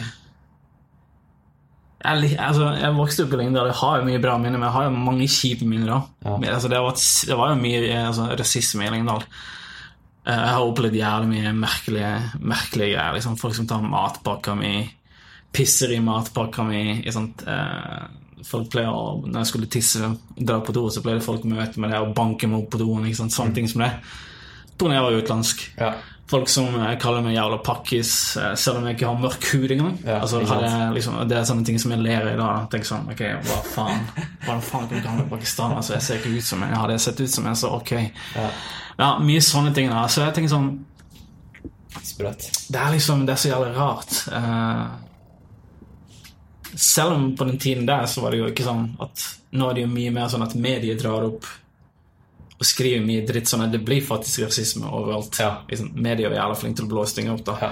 Men på den tiden der så tror jeg ikke det var det. liksom Så jeg tror bare den fremmedlig, sånn, som fremmedfrykten da Som ligger i mennesket fra før av. Ja, Det jeg tror det. liksom- altså Og bare liksom Ikke sant? At du heter Sangen, at jeg heter Sangen og du heter Hans. Ikke sant? Ja. Det bare er liksom Ja, men det blir sånn oss mot dem-mentalitet, da. På Ja. samme måte som krigen du kom fra. Veldig mye var bygd på det, da. Oss, Ja. oss mot dem. Det var liksom Så ja. ja. Så ja, jeg syns jo Lyngdal har jo mange bra sider ved seg, liksom. Men uh, det er mye av det som også på en måte er grunnen til at jeg bor i Oslo og vi alle kommer til å flytte til Lyngdal igjen. ja. Jeg syns jo bokstavelig talt at det er et lite drittsted hvor ingenting skjer. og folk sånn, sånn Jeg ville gjøre noe med livet mitt. ikke sant? Jeg har alltid hatt ambisjoner. Altså, Jeg vil ut. Jeg vil se verden. Men mange av de som bor der, de har jo ikke sett noe annet enn Lyngdal. Ikke sant? Det er sånn, Folk blir bare værende der. Ikke sant? De fikk barn da de var 16. Eh, kanskje en lokal jobb et eller annet sted. Ja. Ikke sant? Hadde ikke så mye ambisjoner. De bare er fornøyd. Men det er, det er jo litt av folk her som bor der. De er veldig fornøyd med at de vil bare være der. Er bare Det, og det er jo dritfett for dem at de er fornøyd, Ja, ja. tenker jeg. Ja. Men uh, hvis ikke det er for deg, så er det ikke for deg. Og Nei, for meg, ja. Nei, ikke sant? Sant? Eh, ok, men de er veldig uh, Det er litt religion der også, er det ikke det? Det er, mye religion. det er jo bibelbelte. er Hvordan, eh, hvordan opplevde du det å komme liksom fra at, eh, hvordan, Hvor religiøst var det der du kom Altså, jeg har aldri, jeg har aldri vært religiøs. Jeg har liksom, eh, når jeg var liten, så har jeg vært i moskeer sånn. Bestemoren min var litt religiøs, hun var Ja. muslim. Og så har jeg jo, Fra pappa sin side så er det jo litt sånn kirke og sånn, men han vi har aldri vært noen sånn religiøse mennesker, da. Uh, jeg tror liksom ikke noen av mine foreldre tror på Gud eller noe sånt heller, for å være helt ærlig. Det var bare en tradisjon å gå i kirka iblant med Hvis vi var i Kroatia, ok, så pleide det å være liksom før julaften et par fra? Ja, men. Det høres ut som en typisk nordmann. Ikke Ja, symbolsk stille Symbolisk ja. liksom. Det er ikke noe, det er ikke noe mer enn det. Nei. Så, men, det er, men i Lyngdal er jo, altså, det er jo bedehus overalt der. Altså Det er jo Ja, helt vilt med bedehus der. Sikkert mer bedehus i Lyngdal enn det er i McDonald's i Oslo, for å si det sånn. Helt sinnssykt. Så det er jo Det er veldig merkelig, liksom. Det Jeg vet ikke helt hvorfor det er det. altså. Hva er liksom at så mange kristne bor der? Liksom. Ja, ja. Det er litt sånn her glemt, hele det bibelbeltet. Eller sånn, det er veldig lite snakk om alle de tettstedene som er bare sånn superkristne Ja. på Vestlandet. ja. Fordi at de, de gjør ikke så mye liv, liv av seg, liksom. De bare er der. Ja, det er liksom Ja. Men eh, ja, du, du var der, du var, du var ungdom der. Eh, Hvor lang tid tok det før du eh, kunne snakke norsk og sånn her? Um, Og liksom var en del av Fant deg en gjeng, nå, mens vi er inne på religion, så kan jeg si at uh, jeg slapp jo alle de der kristendomtimene og sånn. Ja, du gjorde det, ja? Ja, fordi jeg tror mine foreldre var i møte med Jeg husker ikke rektor et eller annet. Det var sånn, Vi kom jo egentlig til Norge pga. litt sånn religiøs krig. sant? Muslimer og ortodokse og kristne og kriget og alt det der. Så jeg på en måte unnslapp alt det der når vi nevnte det. Eh, jeg ville ikke ha egentlig noe med kristne å gjøre. Jeg bare var veldig tydelig fra jeg var liten til, til foreldrene mine at jeg sa ifra at jeg hadde ikke noe interesse av å ha noe med religion å gjøre. Så det som, det som jeg endte opp med å gjøre, var at jeg, alle de kristendomstimene som jeg unnslapp, de brukte jeg på å lære norsk. Ja, ja. Så da hadde jeg ekstra norskklasser som jeg gikk til istedenfor. Når de andre hadde kristendom, så pleide jeg å dra og ha norsk. Og det førte til at jeg Nice. måtte begynne å snakke norsk mye mer tidlig enn kanskje mange andre Ja. elever. Så det var jo jævlig digg. Og så hang jeg jo ganske mye med, med norske eh, Norske Andre norske, da. I Lyngdal. Ja. Jeg hadde et par utenlandske venner som kom på en måte Kom fra samme sted. Eller var i samme situasjon fra Jugoslavia. ja. Jeg hang jo med de, og så hadde vi et par norske som hang veldig mye med oss. da Og da var det jo, prater vi jo egentlig jævlig mye norsk. Da, så, så, så nå var det jo kanskje den måten hvor jeg lærte å snakke norsk. Så det var jævlig nice. Og hvor lang tid tok det før du begynte å rappe på norsk? Det tok lang tid. Jeg rappa på Nå hopper engelsk. jeg litt eh, fram i tid, Ja. eh, eh, Nei, altså jeg rappet aldri egentlig veldig mye på norsk. Det skjedde vel kanskje på slutten av min ja, såkalte rappgreie. Jeg har rappet veldig på engelsk. Det var mest på grunn av Jeg vokste jo opp med rap på 90-tallet. Det var jo liksom Jeg hørte bare på rap mest. Wu-Tang, Cyber Chill, Ja, ikke sant? ja, et Nas. Alle de gode gutta på 90-tallet. Ja. Og uh, selvfølgelig uh, Son of Light, som er en rapper som har vært med i Tommy T-kollektivet. Okay. Uh, Lyset heter han, da. Uh, André. Og han, bodde, han kom fra Mandal, og han var engelskspråklig rapper som jeg så opp til. Han var liksom Han var jo mye eldre enn meg da på den tiden. der Men på 90-tallet så slapp han et album som heter Deep Green, som er og Han er fra Mandal, det som er så kult. Eh, Så han var forbildet der. han var litt forbildet mitt, uh, og det var Jeg hørte veldig mye på albumet hans på den tiden der. Tenkte sånn Faen, han er den første engelske Eller norsk-engelskspråklige rapperen som på en måte har fått det til, da. Hvem var, hvem var andre norske rappere som rappa på engelsk? Jeg husker Warlocks. Uh, du har en del. Uh, Warlocks var jo en av de. Så har du mikken. Dark Side of Force, som var fra Kristiansand. Hvis lytteren kan bare Jeg skal bare justere litt på mikken, Ja. så det kan henge litt sånn fri i lufta. ja. Veldig hjemmelaga rigg her. Så good, man. Så bra ut. Nei, så det var, det var jo ikke bare Altså, liksom, Alt skjedde jo mest i Oslo, selvfølgelig. Det er jo hovedstaden og sånn. Men det skjedde jo også en del utenfor uh, Utenfor de grensene. Ja. Ja. Eh, men ja, det er jo litt interessant det med å rappe på engelsk når du er norsk. Ja, men eh, altså, alle gutter ville jo være egentlig Jeg tror de så veldig opp til New York-rapper. Altså. Ja, ja. Altså, tenk sånn, Skal du komme litt mer internasjonalt, så må du jo rappe på engelsk. Ingen vil forstå hva de sier på norsk. Ja. Uh, det var egentlig bare jeg kanskje han mest assosiere, assosiere seg selv med disse rappere. da. Mm. Liksom, hvordan kan jeg være som de? da? Hvordan kan jeg liksom være en del av dette miljøet? Da Da er det kanskje mest mest naturlig å på en måte uttrykke seg på engelsk der. da På 90-tallet var det jo De fleste begynte jo egentlig på, på engelsk. ja. Og etter hvert så ble det jo Det å rappe på norsk var jo mye mer naturlig, for det var liksom morsmålet ditt her. Og, men rap på den tiden var jo veldig sånn in, Rap på den tiden var jo veldig sånn undergrunnsmusikk, mens rap i dag ja. er jo veldig pop. Altså i dag jo, sant? Ja. Det var jo blitt så svært. For hiphop var jo veldig undergrunn før. Det var veldig sånn gatemusikk. Det var helt annerledes enn i dag. da Men det å rappe på norsk i, på 90-tallet, var ikke det også veldig sånn her eh, Ja, sånn Hvem var eh, de første som De første som rappa i Norge, rappa jo på engelsk? Gjorde de ikke det? Jo, det var det, men så var det vel eh, Så var det jo noen som er klovner i kamp. De, det var den som begynte med å rappe på norsk. Ja, så det Pen jakke fra Fredrikstad. De rappa jo på, okay. på norsk. Ja. Eh, så var det faen, sikkert mange andre som jeg husker akkurat nå. Eh, som han er en del, Ja. en del på norsk. Gratis parlament. Ja, ikke sant? Jeg var en stor Gratis Parlament-fan. Ja, ikke sant. For den der eh, holdning over underholdning, den Ja. skiva der, var Ja. jeg en sykt stor fan av. Ja. Uh... Men det var mest pga. beatsene. mm, Så de hadde sånne her, eh, ordentlig New York-vibes rundt, rundt beatsene. Du skjønner er, hva jeg mener? ja, det er veldig mye bra Det liksom, produksjoner i Norge. altså. budskapet deres Jeg hørte jo nesten ikke på tekstene, Nei. men det var veldig sånn kommunistisk, og de er jo veldig røde av seg. Ja, Eh, jeg vet jo hva det er. De var veldig politisk eh, ja. i det, det de ville formidle, i hvert fall. Eh, jeg syns Klovnen kampen var litt mer i min, eh, i min gate. Okay. Litt mer sånn chill laid back. Ja. Hadde litt sånn storytelling litt eh, låtene sine. Noen ganger så lagde de bare en banger and hit som bare var jævlig kul, med fete beats. Liksom, litt sånn Tungtvann også, husker jeg. Ja, ja, ja. Kom jo litt senere, da, men Ja. det var jævlig fett. ass.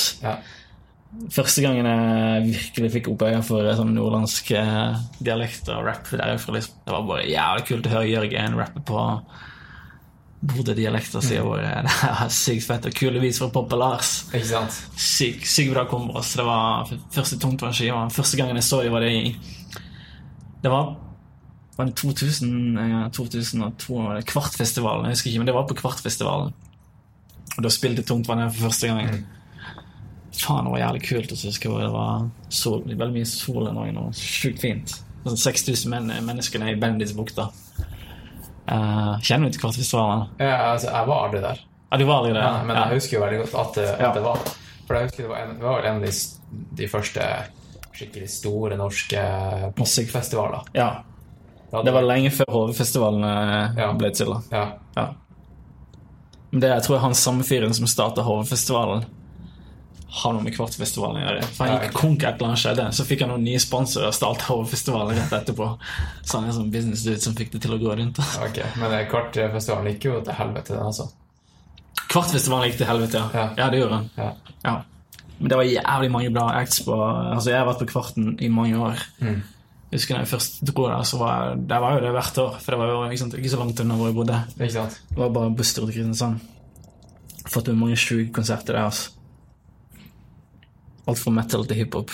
Og det var Det er noe helt annet enn HV, altså. Kan ikke si det. Kvarten er bare i mitt hjerte altså, for alltid. Har du opptredd deg på Kvart? Jeg har ikke opptredd på Kvart, men jeg har opptredd på Klubb Kvart. Ok. Ja. Ja. Hvor det var uh, typ sånn alle hiphop-acts som fra mange andre steder i landet, ikke bare i Sørlandet. Ja. Så var det et Hva faen het det? Faen, det er så lenge siden. Um, Sansen, det er sånn fritidsklubbaktig sted. Og det samlet alle hiphopere seg for å ha hiphop-jams. Da var det sånn breaking, DJ-ing eh, Mye graffiti utenfor det, for det var, det var lov å male graffiti der. ja. Og inne så var det shows, da. Og der spilte vi med mange andre norske acts. Eh, på den tiden for Kristiansand så var det Vel, Dark Side of Force spilte jo, og så hadde vi Fresh in the Flesh, husker jeg, Petter og Tor Even, som i dag heter uh, Vox Big Handy. Husker du det? Nei. Ja, ok, det er en Kristiansand-gruppe. Jævlig fete folk, altså. Shout, shout. uh, og så var det mange andre uh, som jeg ikke husker nå altså, i mitt eget hode. Altså. Men uh, Kristiansand hadde et ganske stor hiphop-miljø. eh, som var på en måte De hadde det, eller har de det fortsatt? De hadde det. Ja. Jeg vet ikke om de hadde det for seg. Altså, jeg, jeg bor jo ikke der nå lenger, så jeg vet ikke, men Det var, selv om selv om Oslo hadde ganske stort hiphop-miljø, så hadde jo også Kristiansand sitt eget hiphop-miljø, som var ganske stort. Spesielt graffitimiljøet der Det var helt insanely stort. Det var, ja, ja. Ja, men hvordan, hvordan tok du del i det her, da? For du, du må ha flytta fra Lyngdal til Kristiansand? Nei, jeg, jeg bodde jo egentlig i Lyngdal, men jeg bussa jo veldig innover for å treffe folk der. Så Ja, okay. hvor, lang, hvor lang var bussturen? Nei, sånn tre kvarter. Ja, okay. Så pleide jeg å dra der, så pleide jeg å krasje hos folk med sofaen og sånn. Ja. Pleide vi å lage låter og ut og male graffiti, tog og alt mulig helvete. Hvor mye, hvor mye tror du det har kosta staten uh, i uh, restaurerings... eh, Jeg vet hvor mange millioner? Det er, jo, det er jo veldig mange som har drevet med graffiti, som sier liksom ja, sikkert eh, Sikkert eh, kosta, kosta dere skattebetalere en million. Altså, jeg aner ikke hvor mye det koster å fjerne graffiti fra et tog. Eh, det er sikkert en del, eh, en del kroner, da, men eh, Ja, men ok, Ja, du har gjort ja. din fair share, da. Jeg har gjort litt, altså, Ja. men jeg har jo ikke Ja, jeg har gjort litt, da. Ja. Ja. Har jo malt mye graffiti, jeg har det, altså. Men eh, ja. Gjør du det fortsatt, eller? For nå, nå kan man jo gjøre det ganske lovlig mange steder i Oslo. Jeg har ikke malt på lenge. Jeg malte faktisk eh, to ganger i fjor. Ja, Jeg malte. Det var, det var på Torshov-parken der oppe. ja ikke sant? Ja. Det er lovlig, det, da. ja. Men eh, altså, vi malte jo graffiti mest fordi det var ulovlig fra starten av, når vi var kids. Det er det som var spenningen. Å gå ut på natta og liksom ja. Kape en jævla kul vegg hvor alle, liksom, alle som går forbi det, kan se den. ja. Det var det som på en måte var driven i det. ja. Det var liksom små liksom, kids, vi var rebelske, vi ville uttrykke oss. Eh, Det var jo det som på en måte var sånn drive i hele graffiti. Det. Eh, bare kunne liksom gå ut på natta, snike seg ut når foreldrene sover, hoppe ut av vinduet, ta med seg en sekk full av spraybokser og et eller annet sted og bare si hei, hvor skal vi ut og bombe nå? ja. Og da pleide vi å gjøre det. Det er ganske sykt. Altså. Men det var liksom Det er veldig gode minner, selv om det, det er jo ikke Jeg ville ikke gjort det nå. Nei, nei. Men det er jo det å liksom være et barn og vokse opp og ha en urge til å gjøre noe, liksom uttrykke seg, eller ja, fylle liksom Det høres jo jævlig fett ut. Det er jo fett. Ja. Det er liksom, Vi gjør noe jævlig kult som er egentlig litt ulovlig, men det blir jævlig kult når vi er ferdige, så Ja. alle kan se det. Men hva, hva tenker du om, eh, om folk som eh, drar ut og så gjør de der, og så, og så blir det visuelt helt jævlig? Altså sånn, Graffiti er jo en ting, men sånne, bare sånne simple tags som bare Ja, det, det, altså, du har jo, du har jo hvor mye drev du med, med det? Jeg har tagga mye også. Ja. Men greia altså, altså det å, tagging er jo også en del av graffiti. Det, folk, det folk ikke forstår, at for å lage liksom en jævlig kul signatur som ser jævlig bra ut, som har en flyt, som har på en måte et stempel over seg Ja. Når du stempler noe, så ser det likt ut hver gang. Det er det å mastre et stempel, kan man si. da Ja. Det er det som gjør en tag jævlig kul. Sånn som Scene og mange andre can too. Altså, de har et liksom, når, de, når de skriver Eller er navnet sånn crew med Det er gamle old school writere, da. Men Ok. eh, du har for eksempel Scene. Når han tar opp sprayboksen, Ja. og så lager han signaturen sin, bare Ja. sånn enkel med linje. Den, den ser ut som bare Den har sånn fin flyt i bokstavene. da det er sånn, Scene med sånn krøllete bokstaver. Den ser jævlig kul ut. liksom Men det er det å mestre å kunne liksom ha en tag som var like kul som en stor piece, kan du si. Ja. Men så har du folk som bare kan ikke liksom sant, Har ikke en stil, har ikke en flyt, har ikke noen som går rundt og bomber. Du ser det der shitkids som Ja, så står det pikk og alt Ja. mulig sånn jævla retards. Eller, eh, eller her, her nede. Du sykla forbi det sikkert i stad. Ja. En sånn her, eh, en liten sånn her strøm eh, Det er sånn her stor sånn grønn boks Ja. eh, på sida av veien der det bare står 'fuck the bitch'. Fuck the bitch. ja. Fuck the bitch.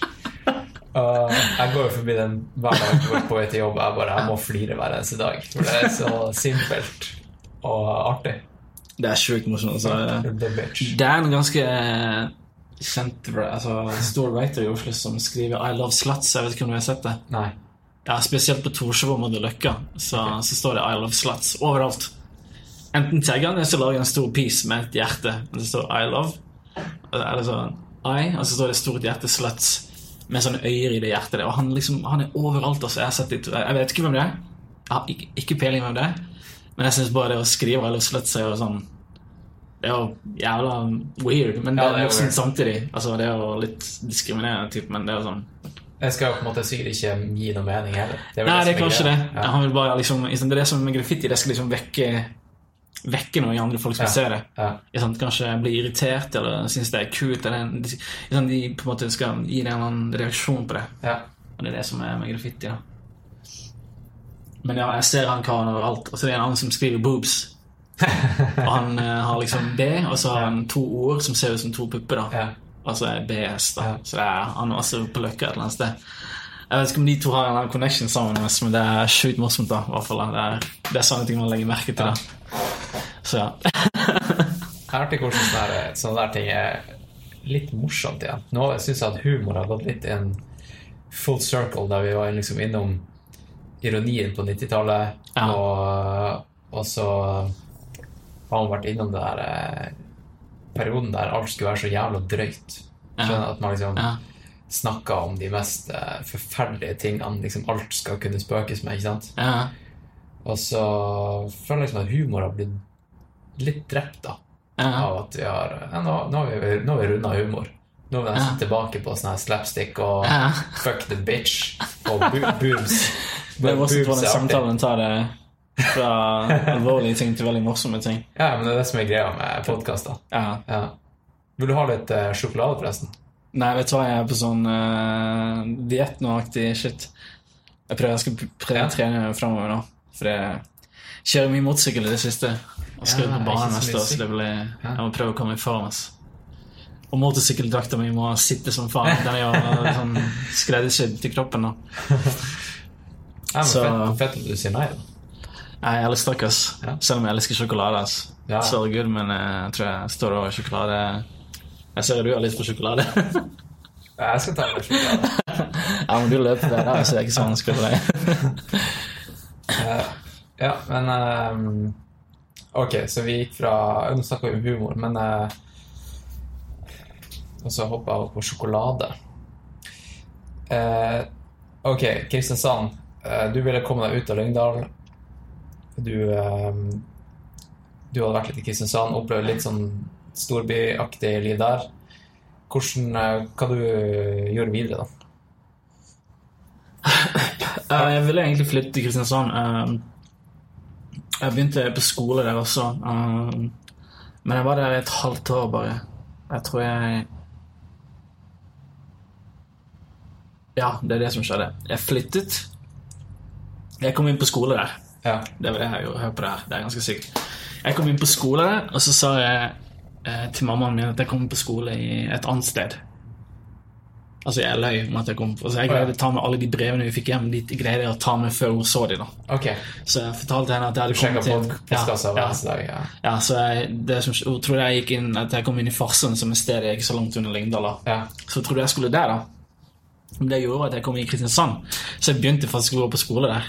Jeg var der liksom ja, en måneds tid før hun skjønte at jeg faktisk har begynt å gå i Kristiansand. Så jeg pendlet hver dag til Kristiansand. Men uh, For jeg hadde ikke lov å flytte hjemmefra. Så når hun fant ut det, så ble hun rasende på meg og ble sjukt sint på meg. Det skjønner jeg godt. Så det var, ja Uh, Og det var sånn, det var sånn storbydrøm å flytte til storby var litt sånn ødelagt, da. Men uh, så ventet jeg et år til. Og så flyttet jeg til Kristiansand Nei, til Oslo, sorry. Det var i 2001, var det det? Etter jeg var ferdig med videregående. Det er ganske sykt, altså. Hvor lenge siden det er nå. 2001, da Det var det 2002. ja, Det var kanskje 2002. det er rett etter 9-11, da, hvis vi kan sette det i en Ja, politisk kontekst. ja rett etter 9-11 var det. Uh, da var det Husker du om 9-11? Hva du gjorde da? Hva det jeg gjorde da? Ja, Det da, tror da, jeg fikk, da du fikk nyheten om det? Jeg så det på TV, så tenkte Hva faen er det som foregår? Det her er jo merkelig opplegg, tenkte jeg. Nei, altså, jeg vet ikke hvordan jeg reagerte. Jeg tenkte sånn det, det, Litt igjen, litt sånn Virkelig skjer det her virkelig? Ja. Altså, du tenker sånn Med all den teknologien vi sitter på, så kan man manipulere alt mulig, egentlig. Ja?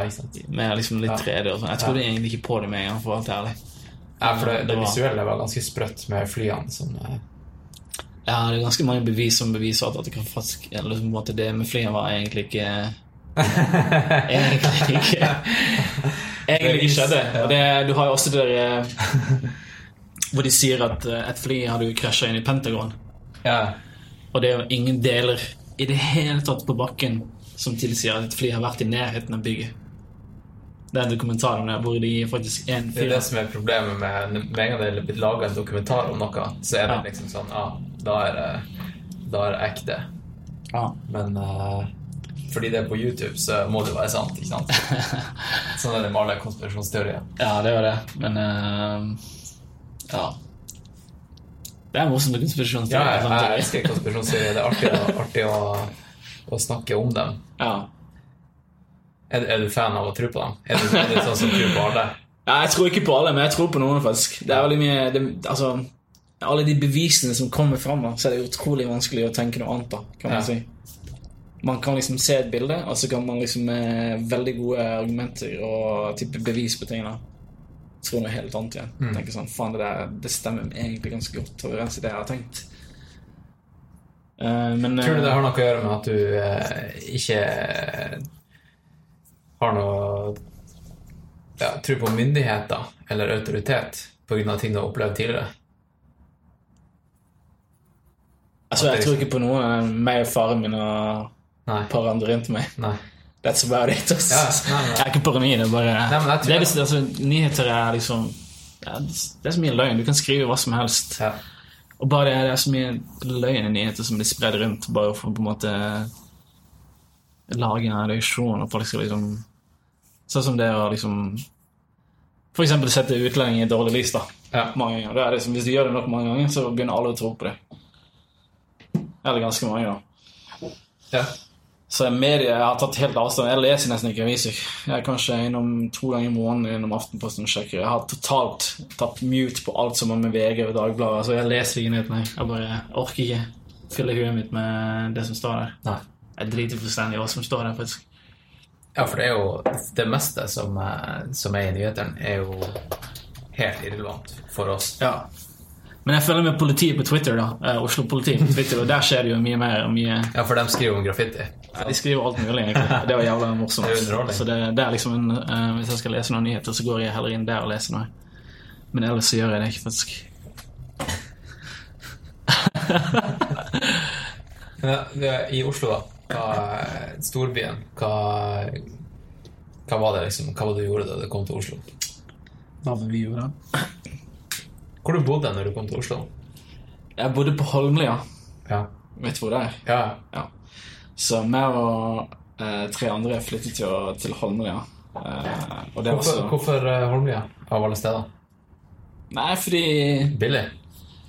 Ja, billig, men jeg tror han ene sa ja, det er jævlig det er ikke så langt unna Oslo, det. Så det er, det mye, det er ganske sånn Bare sånn liten sykkeltur ned til Oslo. Vi bare, ja, chill litt sykkeltur, Så når vi kom der, så var det sånn En time. Halvtime med tog. Jeg bare holy shit, det her var langt unna. så det var veldig sånn jævlig funny, da. Eh, når vi flytta inn der, så var det faen egentlig ganske langt unna, men ja. Men vi leide et stort hus da på Holmlia, og der var vi fire andre med tre andre gutter, faktisk, Ja.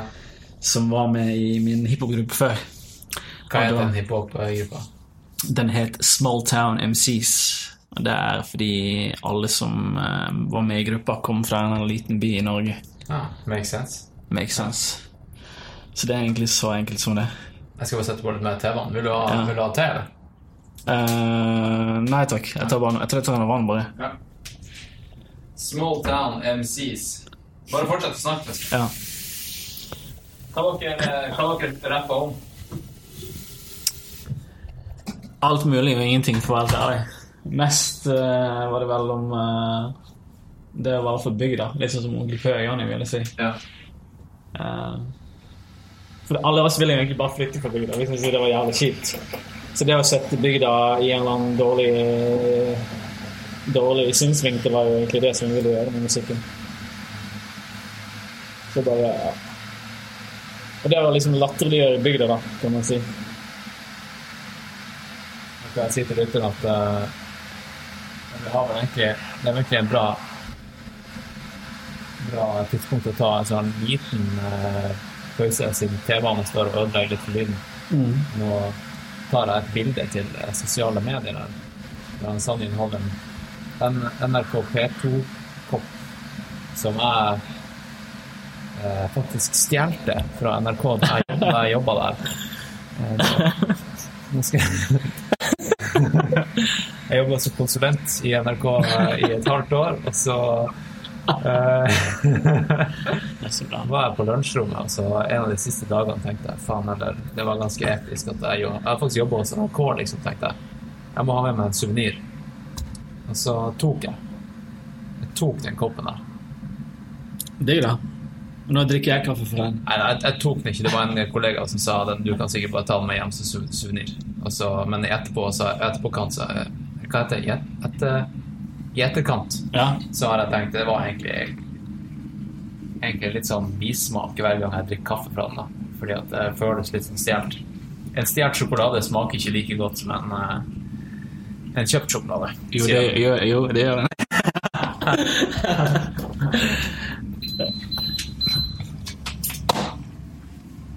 Er det ikke sånn de sier alt som er gratis, smaker mye bedre? Ja,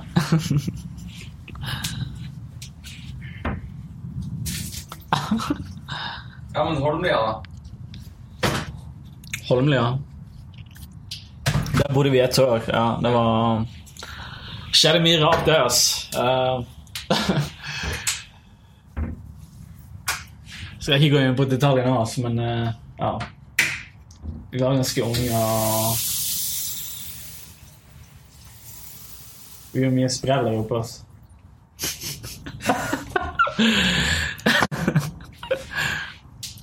mye gode stories som Ja. sitter igjen med. ass. Ja. Det er ikke farlig som det som, eh, Det er jo artig jeg, ve- Veldig mange av dem som hører på, på den podkasten de er jo ultraløpere. Mm. Hva du tror de tenker når, når de får denne episoden, episoden på øret? For det, mange av dem de springer jo langtur i skauen og på fjellet med den podkasten her på øret. Og det er det, det er det jeg liker med å ha den podkasten her, er jo at eh, Ok, ofte får jeg snakke om lidenskapen min, som er ultraløping og, Overløping løping og trening og kosthold og ernæring og alt sånt der. Og så eh, plutselig så så handler det om noe helt annet. Tar vi en 90 graders vending, Er ikke det litt for alle å Ja, ikke sant? høre noe annet? Jeg tror jeg, jeg, tror jeg kommer til å digge denne episoden her. Ja, vi får se. Ja, ja. Jeg tror du kommer til å få masse fans. Big old fans. Ja, ja Holmlia. Eh, når var det der eh, For Holmlia fikk jo på en måte litt sånn kjipt stigma etter at han eh, Benjamin At det, det skjedde der med Benjamin. Ja, det Husker du at det skjedde, eller? Hvilket år var det det skjedde? Jeg husker ikke når det skjedde, faktisk, men det var på 90-tallet. Ja, det? Ja, det var det. ja, det var kanskje det. Det var nok på 90-tallet, ja. Nei, men da var det Ja, jeg husker, jeg husker de aviser, i hvert fall. Men jeg tror ikke jeg bodde der da. Nei. Jeg tror ikke det Nei, skjedde det når vi bodde der. Ja. der, da. Så vi flytta fra Holmlia, tror jeg. Men jeg tror det kan, enten skjedde det før vi kom dit, eller så flytt, skjedde det når vi, når vi flytta fra Holmlia. Mm. Nå, er jeg husker det faktisk ikke, det er sånn ganske lenge siden nå. Jeg husker da jeg var liten, og, og det skjedde det i Holmlia, så, så, så var jeg umiddelbart Jeg ble redd for storbyen. Oslo, liksom. Ja. Shit. Ikke sant? For det var jo ren rasisme. Det var det. Ja. Det er eh, Det var veldig mye sånn Hva skal jeg si På 90-tallet i Kristiansand òg, så var det Husker jeg at eh, ungdommen eh, Altså mye utlendinger som bodde der.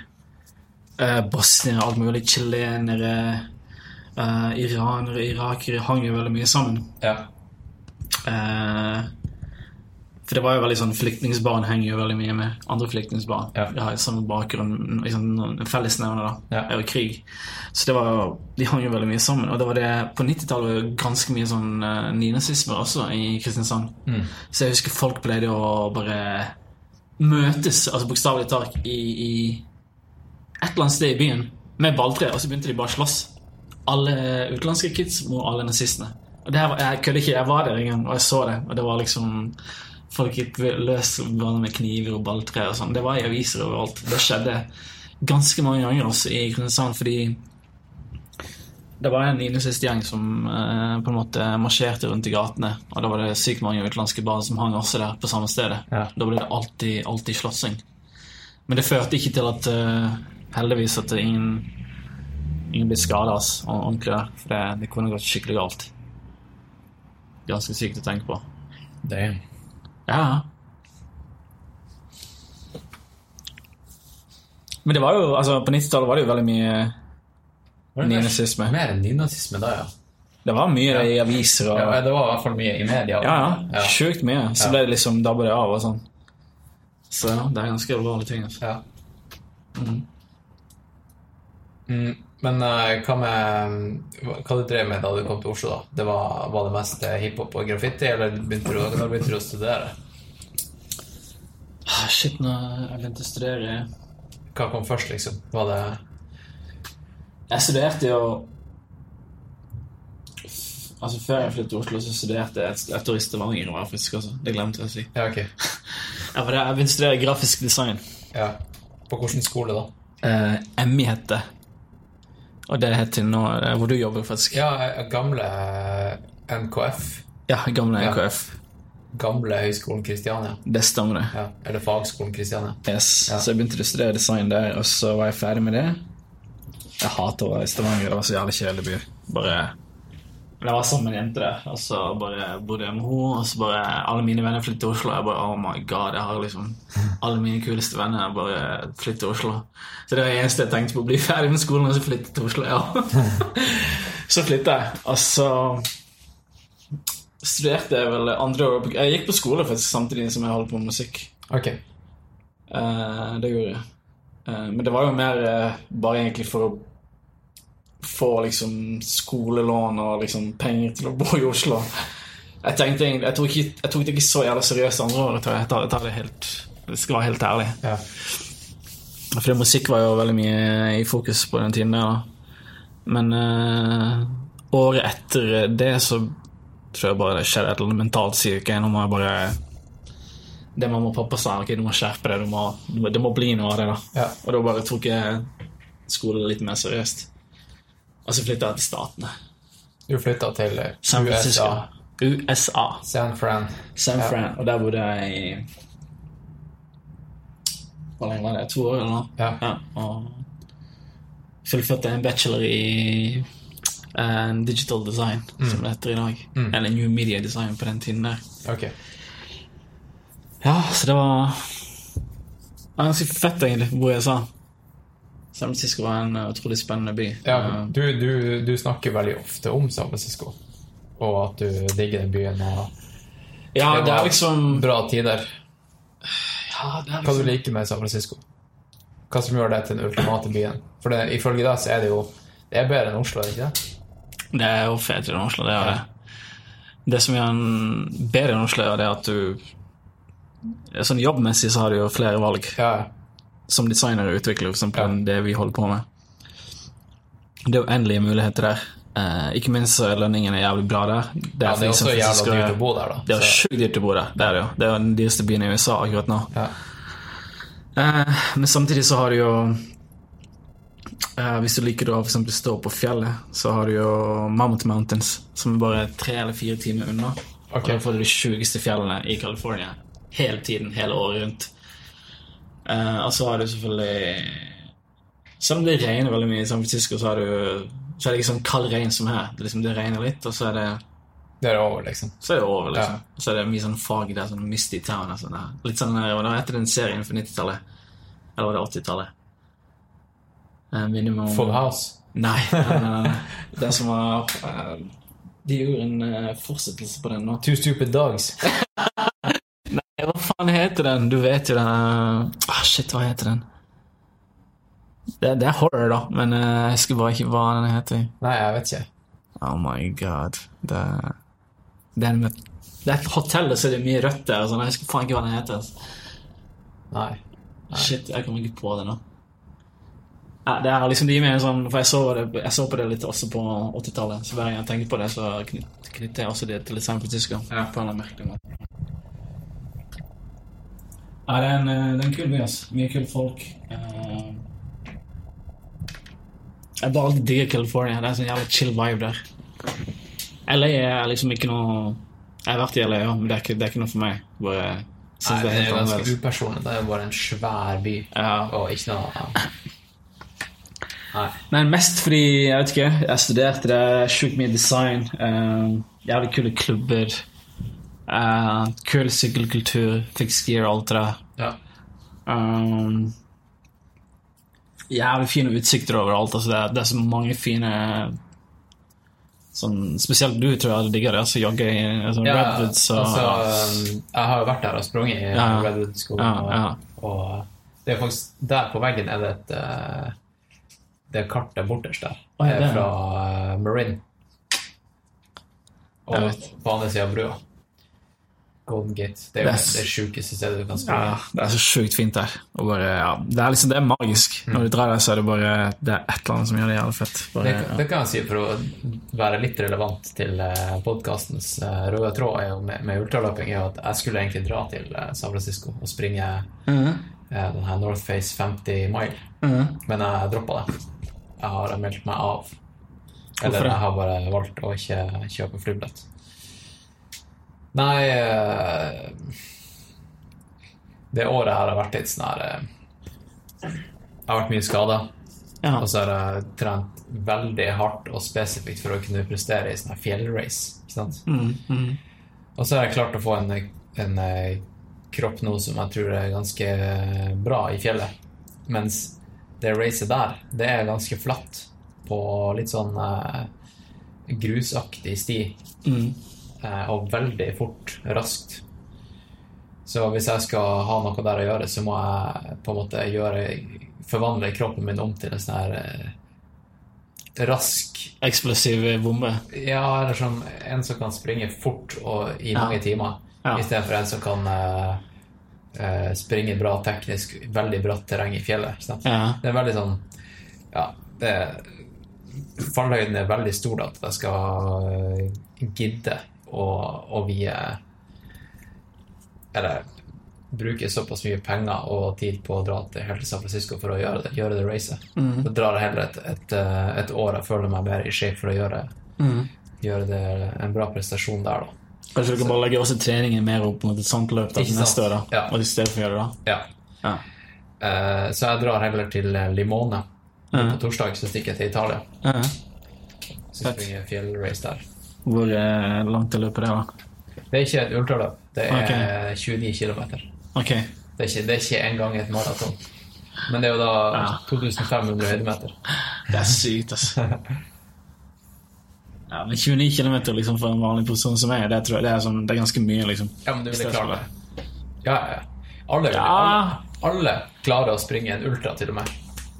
Du ville også klare, du ville klart å springe 100 km nå, Hvis det må, ja. hvis du måtte. ja hvis det måtte, Ja, ja. ikke sant? ja. Det handler jo bare om hvor, hvor digg skal den opplevelsen være. Jeg tror det har løpt jævlig sakte, for å si det sånn. Ja, Eh, Du hadde er sikkert sånn- ikke klart å løpe løpet hele veien. Er du gal i Du hadde sikkert krampa litt opp her og der, men Ja. jeg tror det hadde ringte en Uber her og der. Altså. Det var mye Uber i, i San Francisco, husker jeg. Mm. Uber og Lyft. Jeg var jo der i fjor. Ja. Det er så lett å ta det, bare. Ja.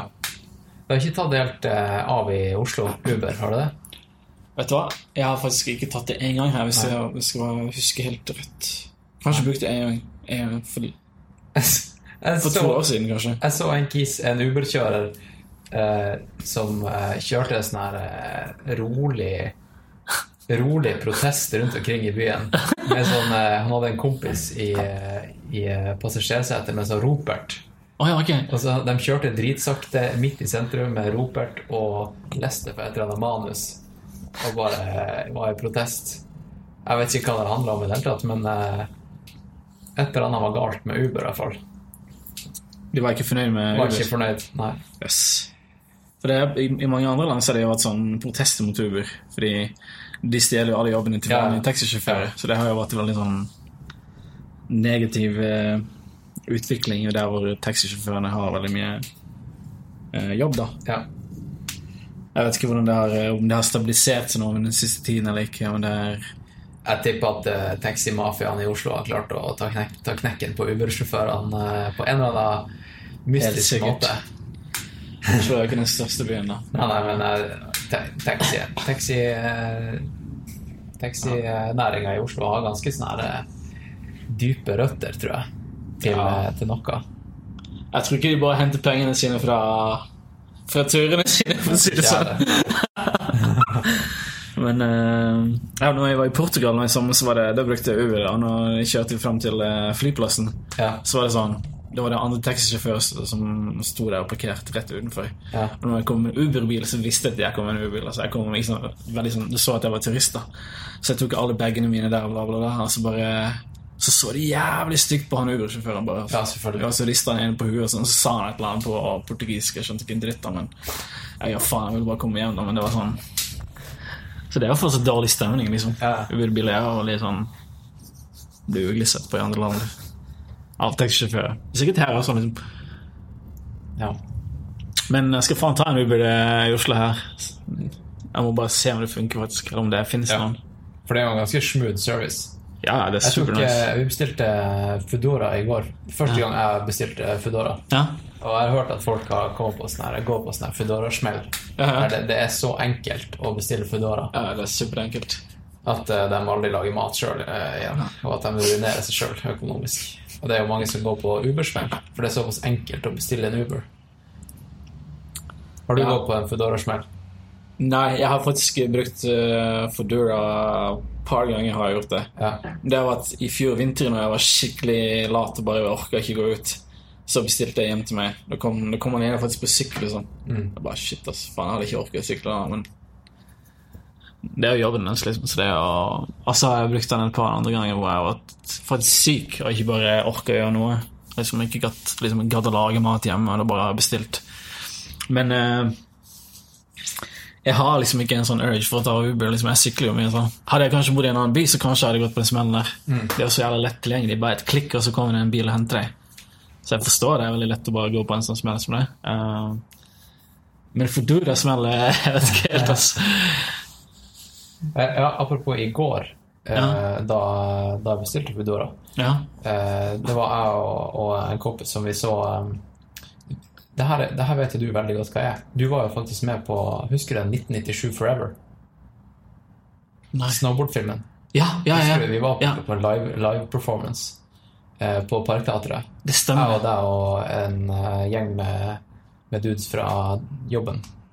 Det stemmer, det. Ja. Det stemmer. Eh, og det her har jeg altså nevnt på podkasten tidligere, men Ja. eh, det er jo den her eh, legendariske snowboardfilmen om et eh, snowboardcrew på eh, 90-tallet det husker jeg. Ja. Eh, som nå eh, samla seg igjen og prøvde å lage en film. En snowboardfilm som aldri ble laga på 90-tallet. Så det er jo flere av dem som har liksom fortsatt å kjøre og sånt, og så er det noen som måtte virkelig begynne på'n igjen, ikke sant. Ja. Um, Så vi så den her, den her ordentlige snowboardfilmen som de lagde, som også da kun ble vist live, og i ingen andre formater enn live, eh, med liveband, der soundtracket var. Sant? Det stemmer. Der er regissøren også, han er Carl Christian Lein Størmer, Størmer. Han er også musiker og vokalist og jeg tror gitarist i det her eh, bandet som spilte live da, til den filmen der.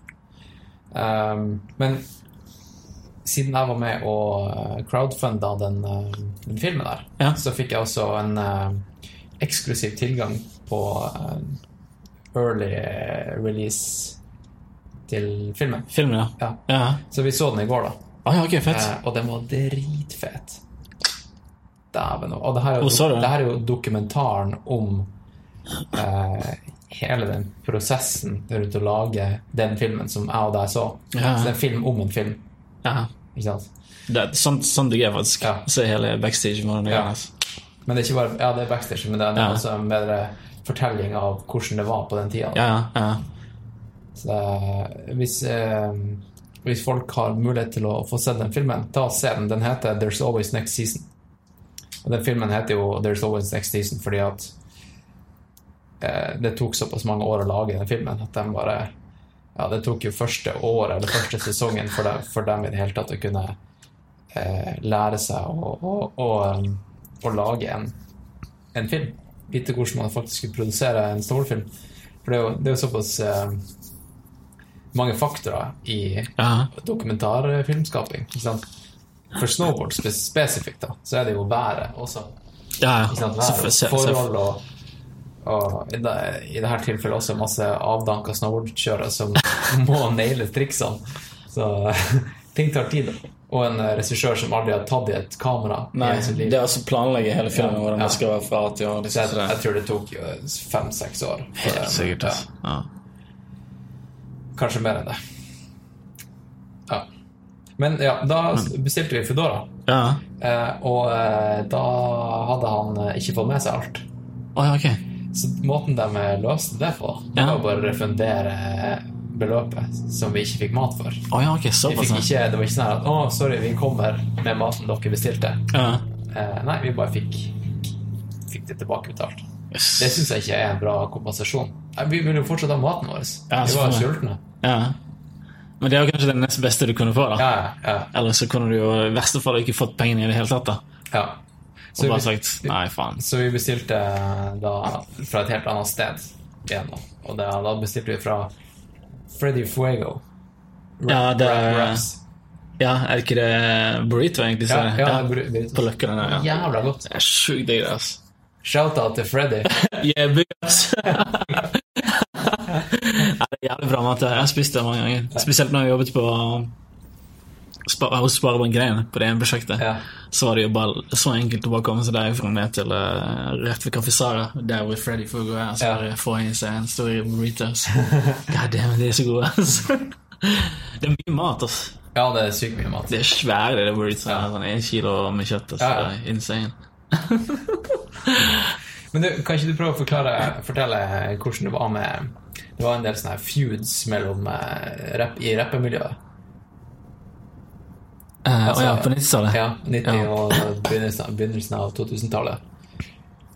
Hvordan var det Det var vel kanskje litt mer sånn eh, Oslo mot alle, egentlig. Ok. Eh, For da begynte det å komme en del andre rap-acts i Bergen, en del i Kristiansand, en del oppe i Nord-Norge. Ja. Og det var liksom sånn Så det var veldig mye sånn Alle var veldig sånn patriotiske. Vi kom fra Kristiansand, vi kom fra Bergen, vi kom fra alle andre mulige byer. da ja, hvor du kom fra, da? Oslo, Var du Oslo-rapper? Hvem var det du tok? eh? Jeg tok ikke parti med noen, altså. Men vi hadde jo en beef med et par andre sånn rappere. Sånn. Men eh, Greia var det var veldig, det var veldig merkelig, for det i eh, var, Jeg følte det var en ren kopi av det som foregikk i USA, for du hadde jo East mot West. Ja. Og så følte bare alle gutta liksom var i Norge, var liksom bokstavelig talt sånn helt sånn påvirket av det. da Bare, nå, Vi er fra Bergen, så ja, vi vi har jo også øst og vest i, i Norge. Ja, vi har det. Ja. Men det er også sånn eh, ikke sant? eh, De fra Bergen likte jo ikke de fra Oslo, de fra Oslo likte ingen. Ja. De var bare Oslo, for de var Og de fra sør likte jo ikke kanskje noen heller. Så det var sånn veldig sånn Det kom masse disselåter overalt. Alle disser hverandre. Liksom. Vi er kulere enn dere, og dere er kulere enn oss. Og, ja. Men det her var låter som ikke ble releasa til uh, The, Big Mass, ikke sant? Det var, Ja, det altså- var bare låter som dere lagde, og så sendte dere mixed as a tapes over til de andre. Ja, men vi hadde sånn Det som hvordan det foregikk, da, det var et, det var et forum som het hiphop.no før. Okay. Det eksisterer ikke da. Litt sånn Worldstar hiphop. Ja, og det var et forum der eh, liksom nye låter. Og der var det plutselig en dag så bare eh, var vi inne der, så var det en kompis som bare Fuck, noen, noen av disse der. Har du hørt låta? Jeg bare Hæ? Hvem faen er disse, ass? Så hører jeg bare eh, låta, bare Fuck, ass. Jeg hører bare navnet mitt bli nevnt, og shit. Jeg bare Fuck, det her er jo fucked up, ass, tenkte jeg. Det her er jo ikke kult. Og så bare viser jeg det til resten av gruppa. Så automatisk med en gang jeg viste det, altså en halvtime, da var det bare kjøpe et par pils og bare skrive en låt tilbake. Ja. Så det liksom henge i studio. Og så bare slengte vi ut en låt via. Disse de tilbake. Og så ble det sånn fram og tilbake, fram og tilbake. Og, Hvor, hvor personlig tok, eh, tok folk det? eh, noen, noen ganger så ble det noen veldig sånn personlige linjer rettet Ja. mot en eller annen rapper. Og, eh, for man gjorde jo liksom Man gjorde en del research på personen man Sånn som alle andre rappere gjør. Ja. Du gjør god research på eh, personen du skal snakke Ja, om. det er litt sånn som roasting i standup, da. Ja, litt sånn roasting standup. Ja. Eh, Samme type Samme type ting, da. Ja. Eh, Så det ble liksom eh, veldig mye Noen ganger, ja, Det førte til at det ble ganske heftige telefonsamtaler her og der, folk liksom ville ta hverandre og grise hverandre og ja. Ble det, var det noen ganger at det ble faktiske fights? Ja, det ble Noen ganger så ble det Det ble noen slåsskamper her og der, faktisk. Det har jo skjedd at folk har bare gått opp, og så har de bare slått noen når de har hatt konsert, Også. Eller kasta et eller annet glass i ansiktet på dem, og det har jo ført til at det har vært slåsskamp. liksom. Ja. Har, har du vært med i noen? eh? Kanskje? ja, jeg har vært med i en eller to, ikke så mange, men uh, ja. Hvor var det de her slåsskampene? eh, Filmer du med nå? Bare til Patreon-supporters. Ok, ja. Um, et sted var på blå, faktisk. Ja. Uh, andre steder var det på en mindre en mindre, mindre klubb. Jeg husker ikke navnet. Men het sikkert Mekaniker eller et eller annet sånt. Rett ved Eggs Design-kontoret. På venstre siden nede var det, det var en klubb ja, okay. som het Sika Mechanical. Der var det, Torgata, liksom. ja, hva heter det? Jeg heter ikke Torgata, men det heter vel uh, gamle Akersgata. Nei, nei, altså det nye Eggs-kontoret. Ja, Der. Okay, Ja. Rett ved siden ja. der. Ja. Møllerveien, eller hva faen Okay, ja. Så det, ja Det er ganske rart. Eh, Det skjedde veldig mye rart i hiphop-miljøet, spesielt det der dissing og sånn. Men det dabbet av etter hvert, da. Men det var liksom en, en, en god stund hvor uh, dette var Jeg foregikk i flere måneder for altså, alle disse Det var så mye disselåter ute. Det var bare så jævlig mye fuck up. Det var bare sånn ekstremt mye disselåter, liksom. Jeg, jeg tror jeg, Hvis jeg hadde samlet alle låtene i dag, så kunne du sikkert på, hørt på i en hel uke med bare disselåter. Så jeg kødder ikke. Det var så mye dissing og Er det noen, er det noen disse låter som, eh, som nådde mainstreamen? Som liksom virkelig kom ut og ble en hit? Um, Warlocks og Dark Side of Force på 90-tallet hadde jo en Ja. uh, Flashback var det en låt som uh, Warlock hadde releasa på albumet deres. Og så lagde Darkside en låt som heter Backflash. Okay. Eller var det omvendt på navnet? Jeg husker ikke eksakt nå. Og da, det førte jo til at uh, det ble slåsskamp. Da var det, Hvem var det som spilte? Ja, Darkside og Force hadde konsert i Oslo. Da, hadde kommet, da, hadde, da hadde Warlocks kommet opp, og så hadde de bare gått opp på scenen. Så det, det ble full baluba. Så det var med han i Christer eh, Christer Falk? Ja. Ja. Han var jo labelen til, eh, til Darkside of Force. Han gjorde jo dette med vilje for å skape litt buzz rundt uh, Dark Side of Force. da, Kristiansand. Ja. Så det ble jo en slåsskamp der jeg hørte det var ja, Noen hadde pissa på Christer Falk på buksa hans. et eller annet greier. Ting hadde skjedd. Det var jævlig funny. Han forteller det i et eller annet intervju jeg så. Jeg husker Warlocks de var, liksom, de var kjent for å liksom være farlig. Jeg vet ikke, jeg bare fikk inntrykk av det. Når, når du Ja, men de gutta var liksom litt hardcore. De var jo kule. Ja. Altså, de var jo De var liksom hardcore rappere fra Oslo, liksom. Ja. Snakket litt om liksom, De hadde kanskje en vennegjeng som var litt sånn dirty og Ja. liksom, Kanskje holdt på med dop og litt sånne ting. da ja. Som var liksom gutter fra øst, ikke sant. Oslo øst, som var litt eh, grimy og hadde litt skitten portefølje, kan man si. Så de var jo Men de var jo veldig respektert hiphop-grupper på 90-tallet. Så de, var, ja, de gjorde jævlig mye bra, med Tommy T i, i bakgrunnen med alle beatsa der. Og liksom, ja. Personlig så hørte ikke jeg så mye på Warlocks. Jeg vet mange gjorde det, men jeg bare, jeg bare hadde Jeg på en måte relaterte mye mer til uh, Son Flight, eller Lise som han heter i dag, som var også med i Tommy T. Men han var jo fra Mandal, så jeg kunne relatere mer til han. Fordi han var liksom et steinkast unna hvor jeg bodde, ikke sant. ja. Og han var litt annerledes igjen i, i stilen sin. Var liksom veldig hardcore, men han var mer Han rappet om liksom å gå og fiske. Go fishing, ikke sant. Hva, hva betydde det? Nei, altså, han bare en vanlig fisketur. Han gikk jo i Mandal og fiska. Det var det han rappa om. Han rappa om Ja, det- akkurat det han gjorde. Okay. Det var ikke liksom, han, han, liksom, han gjorde det på en veldig New York På New, York-aktige beats, da. Men Ja. han hadde liksom snakket ikke om gettoen, sånn som gutter fra New York. Han pratet om at han gikk og fiska, at han hang i skogen, sov i telt. Veldig den vanlige norske ting du gjør. Ikke Og så var det sikkert mange som overtolka de tekstene. Bare fiske, det betyr sikkert eh, et eller annet med hore og dop og sånt. Nei, gud vet, helt sikkert. Men det var liksom, ja. Men det var liksom Han har alltid vært sånn mystisk type Veldig sånn dype tekster. da Veldig mye metaforer. da Ja. Så du må høre på låtene et par ganger for du forstår hva meninga er. liksom Veldig kult. Ja. Jeg, jeg har ikke hørt om han. Jeg må sjekke han ut. Altså. Du har ikke hørt om han, Nei. Lyse heter han og rapper norsk, da. Men uh. Son of Light på engelsk. Mye bra album ute, altså. Men var ditt uh, rap, hva, hva du kaller det? Navn? Det? Mitt navn? Ja. Sunny N. ja. Det var mitt uh, rappnavn. ja. Fikk, du, fikk du mange diss mot deg? Jeg fikk et par diss mot meg. Ja. Uh, Hvordan tok du det? Hva var det de handla om?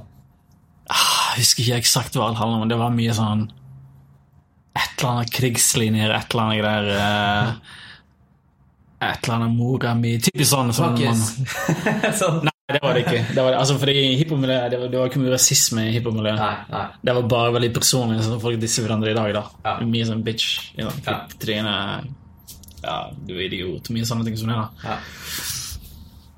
Så man tar jo litt personlig, da. Men når man er så ung, så tenker man ok, fuck han her. Jeg lager en disse låter tilbake. Så det ble jo liksom et par låter frem og tilbake, da. Som var Ja. Jeg ser på det nå som bare en uh, tid av livet mitt som var bare en del av musikken som Ja. Jeg, tror ikke, jeg tar det ikke så seriøst nå lenger. Jeg, Ja, altså. nei, men det var sikkert en fett, Men før var det jo bare Det var jo liksom Det var en del av det, liksom, fordi det var, musikken var jo mye ja, altså, Tilværelsen i musikken var der hver dag. Vi var i studio og, og skrev låter og rappa Ja. og vokste opp og ja. Nå er det litt annerledes, da. litt andre prioriteringer. Hva du tenker om, eh, om designyrket, da? Når begynte du å jobbe som designer, og hvordan har det utvikla seg? Uh, som designer jeg begynte å jobbe i 2009. Fikk min første jobb, og det var i Making Waves. Ja. Da var de et helt annet byrå enn eh, De er i dag. enn de er i dag. Ja, de var ikke så store, da. De var De ganske små, da. Ja, Ja, de var vel noe 50 eller 60 da jeg begynte det. ja ok, såpass store. Eller, eller Ja. 40-50 eller. Ja. Jeg husker ikke, det var noe sånt som det. For de, de er vel nå et sånn typisk eh, konsulent... eh, De er dritsvære nå. De, Ja. er, de er en del av den North Alliance-greia, Ok. som er mange sånne Sellouts. Ah, ja. Sellouts, ja, jeg vet ikke. Ja, sikkert. eh, Men eh, ja, de er en del av eh, ganske mange Det er sånn, stort kollektiv av digitale selskaper. da Ja. Som ikke bare i Norge, men også i Sverige. ja. Og i Danmark, det er ikke helt feil. Og gjør veldig mye Ja. Noe kult, og ikke ting som ikke er så kule heller, liksom. ja. Men sånn blir det når man er kjempestore. ja. Er liksom ikke, man kan ikke gjøre Alt man gjør, kan ikke være dritfett. Nei, men det er liksom sånn noen, bare, noen ting gjør man bare liksom Ja, sånn episaur-greier. Jeg skal ikke stå og disse Making Waves her, men det er sånn Det er mye sånn Ja, ja, men det, det, er jo det er sikkert veldig få av lytterne eh, mine som vet hva det her også er. da. Så det, Ja. eh, men jeg skjønner hva du mener. Og det er jo typisk for alle konsulentvirksomheter. Liksom, ok, du må gjøre noe strøjobber bare for å få en liksom, Ja. solid inntekt. Og så Ja. kan du gjøre noen ting som du kan være dritstolt av. og sånn her. Vi, vi jobber jo sammen i Mediefront. Mediafront og McCann. Ja. Og der var jo den her eh, holdt på å si melk og brød-jobben vår var jo Statoil. Yes. Ja. Hvor mange millioner hoper vi ikke inn på Statoil? Den, var Statoil var jo eh, grunnen til at det firmaet eksisterte. Ja. Ikke sant? Det var monthly innkomst for å si det sånn. Ja. Og så lekte vi resten av tida med andre kunder. Ja, det var jo sånne små ting her og der. Ja. Men jeg husker det, alle de som jobber der, var jo 80% Statoil. Det var sånn Ja. nettsider, kampanjer. De gjorde jævlig mye bannere. Helvete, Ja. ass. Ja. Sånne bannere som Jeg vet ikke hvor, mye, hvor vanlig er det å, å, å lage masse bannere nå? Jeg aner For ikke, det var, det var liksom digitaldesign for ja, fem-seks år siden. Ja. Det besto mye av sånne her eh, kjipe reklamebannere. Det var jævlig mye av det, altså. Eh, men jeg tror det er fordi når vi jobbet til Mediefront, så var det jo en del av uh, type sånn advertising agency. Ja. Jeg vil ikke si at Mediefront var et rent designstudio, sånn som de andre selskapene vi jobber for. Nei, nei. det var, Hvor det er fokus på å lage liksom fete produkter og en større brand Uh, i sånne prosjekter. Der var det veldig mye bare sånn uh, Ta Rimi skal ut med en ny ost. Så lager vi en sånn advertising for det. Ja. Lager masse bannere overalt. Sant? VG putter det inn på finn.no. Ja. Finn Det skal blinke. Alt var jo flash før. Husker du? Alle flasher jo. Du, det, det kan vi jo snakke om, for det var min første eh, profesjonelle jobb. Det var jo faktisk med deg. Det var det, altså. Det er så sykt, altså. Og eh, der var du designer, og var eh, utvikler. Webutvikler. Jeg skulle programmere opp det her, den her kampanjen. Hva var det kampanjen for? Husker Ja, for det? var, kampanjen var en, eh, en ost. Det var faen meg ost, ja. Og den, den eksisterer jo ikke lenger. Og den, den var en, eh, en ost fra Tine som eh, der, der det var smørbar ost. Og det var liksom camembert-ost og cheddar og litt sånne andre ting. Ja. ja. og da, husker du konseptet? Det var magi. Sant? Ja, og da var det smørbar abim. Smørbarabim. Smør Ja. det stemmer. Og, og det var ikke noe magisk med osten. Magi og ost har jo ingenting med hverandre å gjøre. Eneste greia var jo at eh, man valgte å markedsføre det her liksom med en pakke med magi rundt, og det var en sånn her trollmann som liksom la den her smørbare osten under en hatt, og så, Ja. og så løfta han opp hatten igjen, og så var, det, så var han borte. Og det var kanskje en fugl som kom ut der, eller en hva de bruker å ha? De bruker å ha en sånn her eh, Kanin eller faen. eller Altså, ja. som, ja. Eller en due eller. Ja. Eh, så den osten her, den var jo på markedet kanskje jeg vet ikke, en måned før eh, det gikk til helvete. Ja, det var ingen som husker den osten. Nei, Altså. jeg tror ikke det er så mange bortsett fra dem som jobber med, med den osten i Tine og, og Vida rundt med kampanjen, som husker den. Ah, ja. Men sånne ting, da. De, Ja. da en, som en del av kampanjen så, så måtte de ha masse banners. Så bare For å prom- promotere promotere det på VG, ikke sant. Ja. Det er, eh, Og det er liksom alle de 100 millioner jævla formatene som man må designe for. Det var helt jævlig. Altså. Det var sånn Sikkert 20-30-40 forskjellige altså det, var, det var så mange nettsider som var forskjellige formater. Så det er jævlig mye begrensninger. liksom, Det må være så så lite bilde. Ja. Så må du ha den copy-teksten, og så må du ha brand-logoen. Så det sånn, liksom, Når du har laget et banner på sånn 40 ganger 60 pixel, hva faen skal du formidle der? ja. Det er jo så lite at du kan bare ha en liksom, tekstlinje der, så blir alt fullt. Så liksom, det var jo ganske vanskelig å lage liksom eye-catchy ting som var så små. Da, som Ja. skulle på en måte Det, var- det var også tida før, eh, før video på nettet. Eh, altså etter Flash, Ja. eh, HTML5 video på internett. Ja.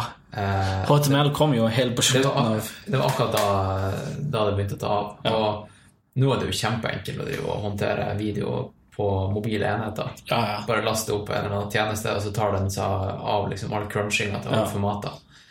Eh, men da husker jeg, da måtte jeg manuelt gå inn, så måtte jeg ta den reklamefilmen. ja. Og konvertere den i absolutt alle typer formater. Mm. Eh, og jeg måtte også lage Det var før responsive design var, liksom. Eh, der nettsida kunne tilpasse seg dynamisk alle, alle størrelser på flata. Da måtte jeg lage en dedikert mobilside. Ja. Ah, det var så sykt mye sånn dobbelt opp arbeid og Jævlig mye. Og det var liksom, når jeg, når jeg lagde bandet i dag, i Sketch for eksempel, nå, har du jo sånne symbols. Så du kan ha liksom, du kan lage masse forskjellige formater, men så kan du bare linke en tekstfil til det, og Ja. så er det samme teksten overalt da. Og da kan jeg endre det med, med, en, liksom, med å bare gå inn på en tekstlinje, så kan Ja. jeg endre en eller annen tittel til en annen tittel. ja, så, så endrer det seg. Men før var det jo faen ikke sånn, det var jo i Photoshop. Ja. Så måtte du fuckings gjøre det på hver, manuelt på hver eneste banner. Da var det sånn, fuckings apekattjobb, du satt bare. Bare, ah, fuck, jeg Det hater var Noen som jobber jobbe på sandwich, liksom, rullebåndsarbeid. Ja, det var helt jævlig faktisk. Og så bare Men Det- eh, det det var, var jo fett fordi at vi leverte jo noe visuelt fett. Ikke sant? Og det var det jeg husker, jeg, siden det var min første profesjonelle jobb, at jeg liksom innså at ja, det er faktisk litt sånn her. Det er litt manuelt arbeid her. Det er koding. Ja. Eh, det, det likte jeg jo for så vidt, men, men det kule var at det visuelle outcomet ble fett. Ja. Ikke sant? Og Det er så mye pirking, ja. ja. ja. Jeg husker jeg ble jævla imponert over deg for at du liksom kunne si sånn her Du kunne stå bak skuldra mi og si sånn her «Eh, Jeg tror den er én piksel off. Juster. What? Hvordan spotta han det? Liksom, Det er så micromanaging helvete, Ja. altså. Ja, men, eh, men eh, nå er jo jeg liksom kapabel til å se sånne ting sjøl, da. Ja. Men som fresh student, ikke sant. Jeg var jo fortsatt student da jeg gjorde den jobben. Det stemmer, du kommer rett fra Du jobbet for et annet byrå før det, gjorde du ikke det? Ja, vi, vi starta en startup mens vi studerte, så indirekte så tok vi den jobben i mediefronten. Stemmer det. Så ja, Men Mediefront var det jævla fett sted å jobbe for, da. det var dritfett. Eh, sykt mye kule folk. Ja, Men det er jo det Eh, typisk, da. Hvis eh, altså, en jobb kan være så, altså, Jobben i seg sjøl kan være så drit som den bare går an å være. Ja. Men så lenge folk kan det bra, så er det fett. Jeg jobber jo ræva av meg på mediefront. Ja. Men jeg tenker jo ikke på det som en kjip ting. Nei, nei, nei. Hadde jeg jobba på en fabrikk Ja. eh, og stacka sandwicher inn i eh, plastemballasje, Ja. så ville jeg vært ganske forbanna på hvis jeg hadde måttet jobbe liksom ja, og i tillegg 16 kanskje ikke hatt eh, kule folk rundt det også, da. Ja, ikke sant? Ja. Det er en helt annen ting, da. Selvfølgelig. Det er jo ja. Men eh, hvordan føler du at yrket ditt har endra seg på de her årene? For det er ganske nytt yrke. Digitaldesigner og jobbe med web og, og sånne ting. Vi, vi tror liksom at siden det er en jobb, så er det veletablert. Men ting er jo i endring, endring hele tida.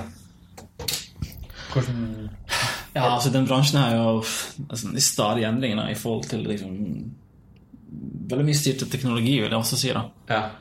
Um, så det, jo, det gjør det sånn at du må på en måte som designer må tilpasse det litt forskjellig eh, forskjellige medium og på en måte formater i forhold til hvordan teknologien endrer seg. da. Spesielt som digital designer. ja.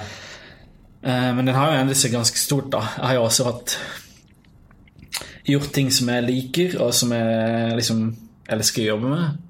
Og så har jeg også prøvd ting jeg ikke liker, og som jeg ikke vil jobbe med. ja. Så på de ti årene snart, eller ja, snart ni eller ti år som jeg har vært i bransjen, så er det sånn Jeg har på en måte funnet ut hva jeg liker og ikke liker å gjøre. da. Så de, altså, å ha bredt bred spekter av prosjekter som jeg har hatt, har jo på en måte Det gir deg jo på en måte veldig klare signaler i forhold til din egen utvikling og hvor du vil hen. da. Ja. Så sånn sett er det jo det som på en måte jeg ser positivt på. da. Ja.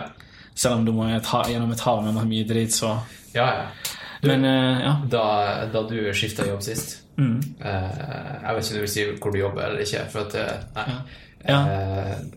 Vi, trenger, vi trenger egentlig ikke å jo, Hvis du vil i etterkant, jeg kan jo blurre navnet ditt. Vi kan gjøre det superanonym. ikke sant? Ja. Men uansett um, Jeg trenger ikke si hvor, men uh, du hadde oppgitt meg som referanse. ikke sant? Ja. Og det hadde jeg sagt ja til. ja. Uh, og så husker jeg jeg var, Det var i vinter, var det ikke det? At du Ja. skifta jobb? Ja. I mars, eh, vel eh, nå i mars, Ja, noe sånt. Ja. jobb, ja. Men det var jo god tid i forkant at eh, du søkte jobb på et annet sted. At, at jeg ble oppringt. Det var kanskje ja, sånn Det, eh, januar, kanskje. At jeg ble oppringt. det kan godt Ja, uansett, det var i vinter, og jeg var ute og sprang intervaller opp Ja. ja. Grefsenkollen. Ja. Eh, midt på vinteren, masse snø, is, det var helt jævlig. Og så, um, og så ringte det ei dame, da. Eh, og altså Antakeligvis Carl, Carla, Ja, jeg vet så ikke. marked snakker engelsk. Men eh, det var midt i sånn her Jeg tror jeg var, jeg tror jeg var under oppvarminga, eller, eller jeg var ferdig med økta. Ja. Og jeg var bare jeg var bare ute og sprang, og så bare sånn her Hun bare Oh, I'm sorry, is this a bad time? Jeg bare Nei, nei, nei, det er, jeg, jeg trenger selskap. Det er så jævla kjedelig. så jeg endte opp med å snakke med henne i en halvtime da, mens jeg var ute og sprang, for jeg hadde på meg headset. sant? Ehm, Det er fett, altså. så jeg, jeg, jeg, tror hun husker den eh, seansen der. Jo, helt sikkert. Jeg tror du prater med Carla, helt. Hun er vår eh, HR-sjef. Ja, Hun er liksom den første personen jeg møtte også. ja ok. Så, Ja. ja, men det er kult, det, altså. Ja. Har du brukt meg som referanse noen ganger? Jeg husker ikke det. Eh, det har jeg sikkert. Det kan godt være du brukte meg, kanskje. Jo, jo, jo, det var sånn jeg fikk min uh, Ikke den der jeg jobber nå, men uh, jobben for der, i, Eggs. Det var var ja, det som eh, fikk, oss, fikk meg inn dit. Ja. Ja. Men nå, nå går jo veldig på liksom, det personlige Folk skjønner jo ikke hva de her tingene er. Nei. Folk som hører på. Ja. Um, det er mange som hører på, mm. og rundt omkring i landet. Og det er svensker, dansker er liksom skandina- Skandinavisk publikum begynner å bli, da. Mm. Det er jo dritkult. Det er dritfett, Ja. faktisk. Shout-out til alle i Skandinavia. What's up? Shout-out til alle ultraløpere der ute. Ja. ja. Hva du tenker um, Hva du skal Hva du skal i kveld, Sannin? Skal du godt dra, dra hjem og game? Uh, jeg vet ikke. Kanskje jeg skal bare se en film, eller kanskje se litt på Netflix, eller kanskje jeg bare gamer. Ja. Som antageligvis jeg kommer til å gjøre. Ja. Du, film. film.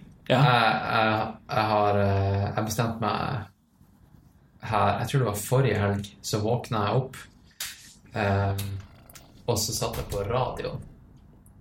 Ikke så okay. ofte jeg sitter på radioen, liksom. Jeg sånn her. Nå skal jeg høre på P2, tenkte jeg. ja. På appen, eller? Hæ? Er det en app du har?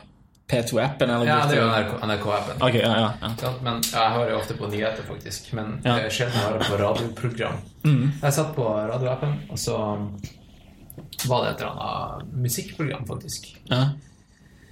Og så var det et eh, program som eh, Jeg tror de hadde musikere i studio, der de snakka om eh, Der de hadde på forhånd blitt bedt om å, å ta med seg musikk.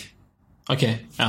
eh, på en måte relevant til noen spesifikke topics. Mm. Der det var eksempel eh, eh, Ok, nå, Sandin, skal du spille den sangen som du tok med deg. eh, fordi at eh, Eller den her, sangen er den mest romantiske sangen du vet om. Mm. Hvilken sang er det? ikke sant? Mm. Eh, og så var det en musiker her som spilte det de mente var det mest romantiske. ja. Eh, og da var det ikke bare sånne romantiske sanger som du tenker på at det er sånn her eh, Jeg vet ikke hva du tenker på som romantisk. Sikkert noe sleazy R&B eller et eller annet der. Ja. Jeg vet da faen. Men um, uh, da var det en som, som uh, spilte av en uh, sang fra Rocky 1. Altså Rocky-filmen. Oh, ja. Og da var det Faen, hvilken sang er det? Da var det en Jeg vet ikke, Husker du filmen godt? Nei, jeg husker rockefilmen, men jeg husker ikke musikken eksakt. Nei. når han Rocky er i dyrebutikken Og Du vet jo Adrian, dama. Ja, Adrian vet. Ja, ja. ja. Og han tar av henne brillene. Aha. Og så sier han noe sånn her eh, I always knew you were beautiful. Sylvester Stallone. Ja, ikke sant? Ja, ja. Og så, men den musikken som er på den liksom, liksom kasseradioen i bakgrunnen, ja. eh, den spilte han av da, han kisen. Aha. Eh, og så syns jeg den, eh, den sangen her var så jævla fet, da. Ja. For jeg lå, her, jeg lå i senga og hørte på, på radio. Mm. Eh, og så faen, her er den sangen der var fet. Og så åpna jeg opp Spotify, jeg hørte på sangen igjen, Ja. og så igjen. Ja. Eh, og så endte jeg opp i sånn her eh, eh, eh, Hva heter det? Artist Radio. Ja, ok. Og så bare begynte jeg å høre på eh, masse lignende musikk som den sangen der. da. Ja. Og da endte opp med å høre på sånne her eh, filmsoundtracks. Ja. Og så endte jeg opp i sjangeren. Ja, sant. Ja. Uh, og så hørte jeg en sang som var Jeg synes den var dritfin. Ville aldri hørt den her hvis ikke det var, det var For den filmen, ja. Ja. ja. Eh, og så tenkte jeg ok, den sangen her var så fett. Jeg skal, jeg skal se filmen. ja. Og så eh, Og så fant jeg ut at filmen het um, Hva var den het? Den het um, A Family Man. A Family Man. Den høres kjent ut. Ja, men jeg, og så, og så googla jeg den, og så viste det seg at den har sånn her um, Kanskje sånn syv på IMDb. Ja. Ikke, ikke dårlig, ikke bra. Nei. Eh, sånn midt på treet. Ja. Og når var sist du så en film du visste var midt på treet? Det er jo ing altså Man gjør jo ikke det lenger. Nei, altså jeg går, Hver gang jeg skal se en film, så går jeg inn på denne IBMD, IMDb, ja. IMDb og så bare sjekker raten. Ja. Har han ikke bra rate, så bare Det er sånn du forholder deg til film om dagen. Ikke sant? Ikke sant? Ja. Så jeg tenkte ok, de her filmene her, de, de fortjener jo å bli sett. Ja. Så jeg, jeg, jeg fikk tak i den filmen her, da. ja. Eh, og, så, og så så jeg den Jeg tror det var på torsdagskveld. ja. I dag er det søndag, forresten. jeg lytter. Og det er den jævligste, altså den dårligste filmen jeg har sett i hele mitt liv.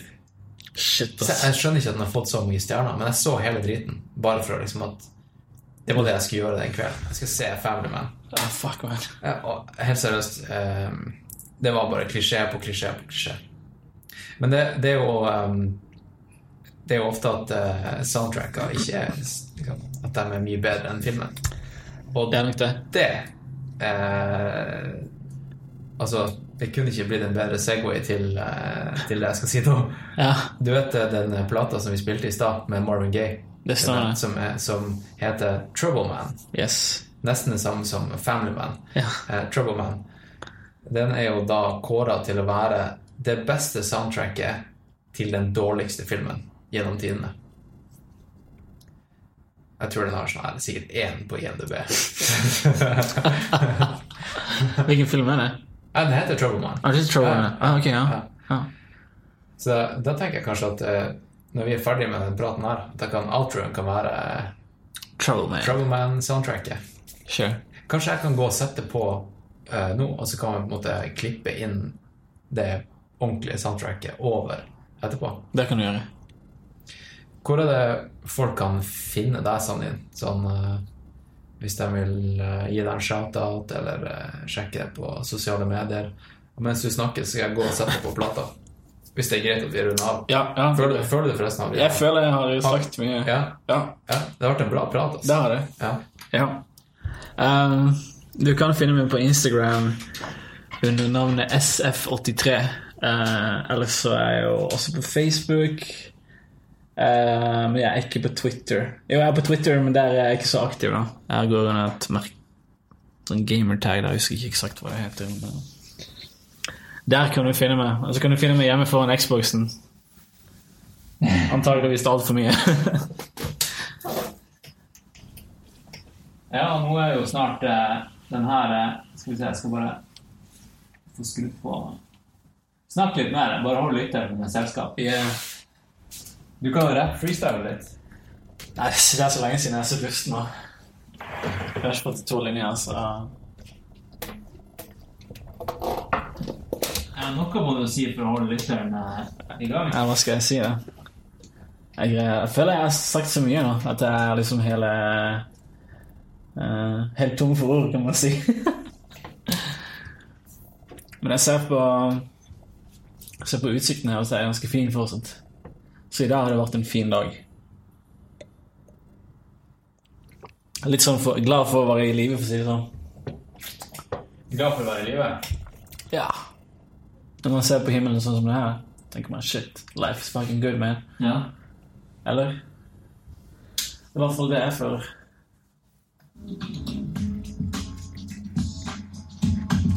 Du klipper, du klipper ting òg, eller?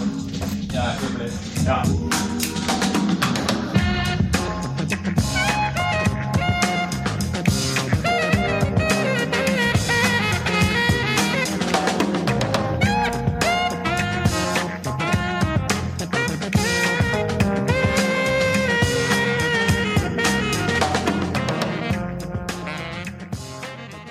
Thanks for listening to this episode of Now Is It Alver podcast.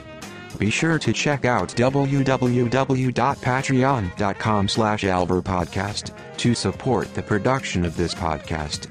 Over and out. Roger and note.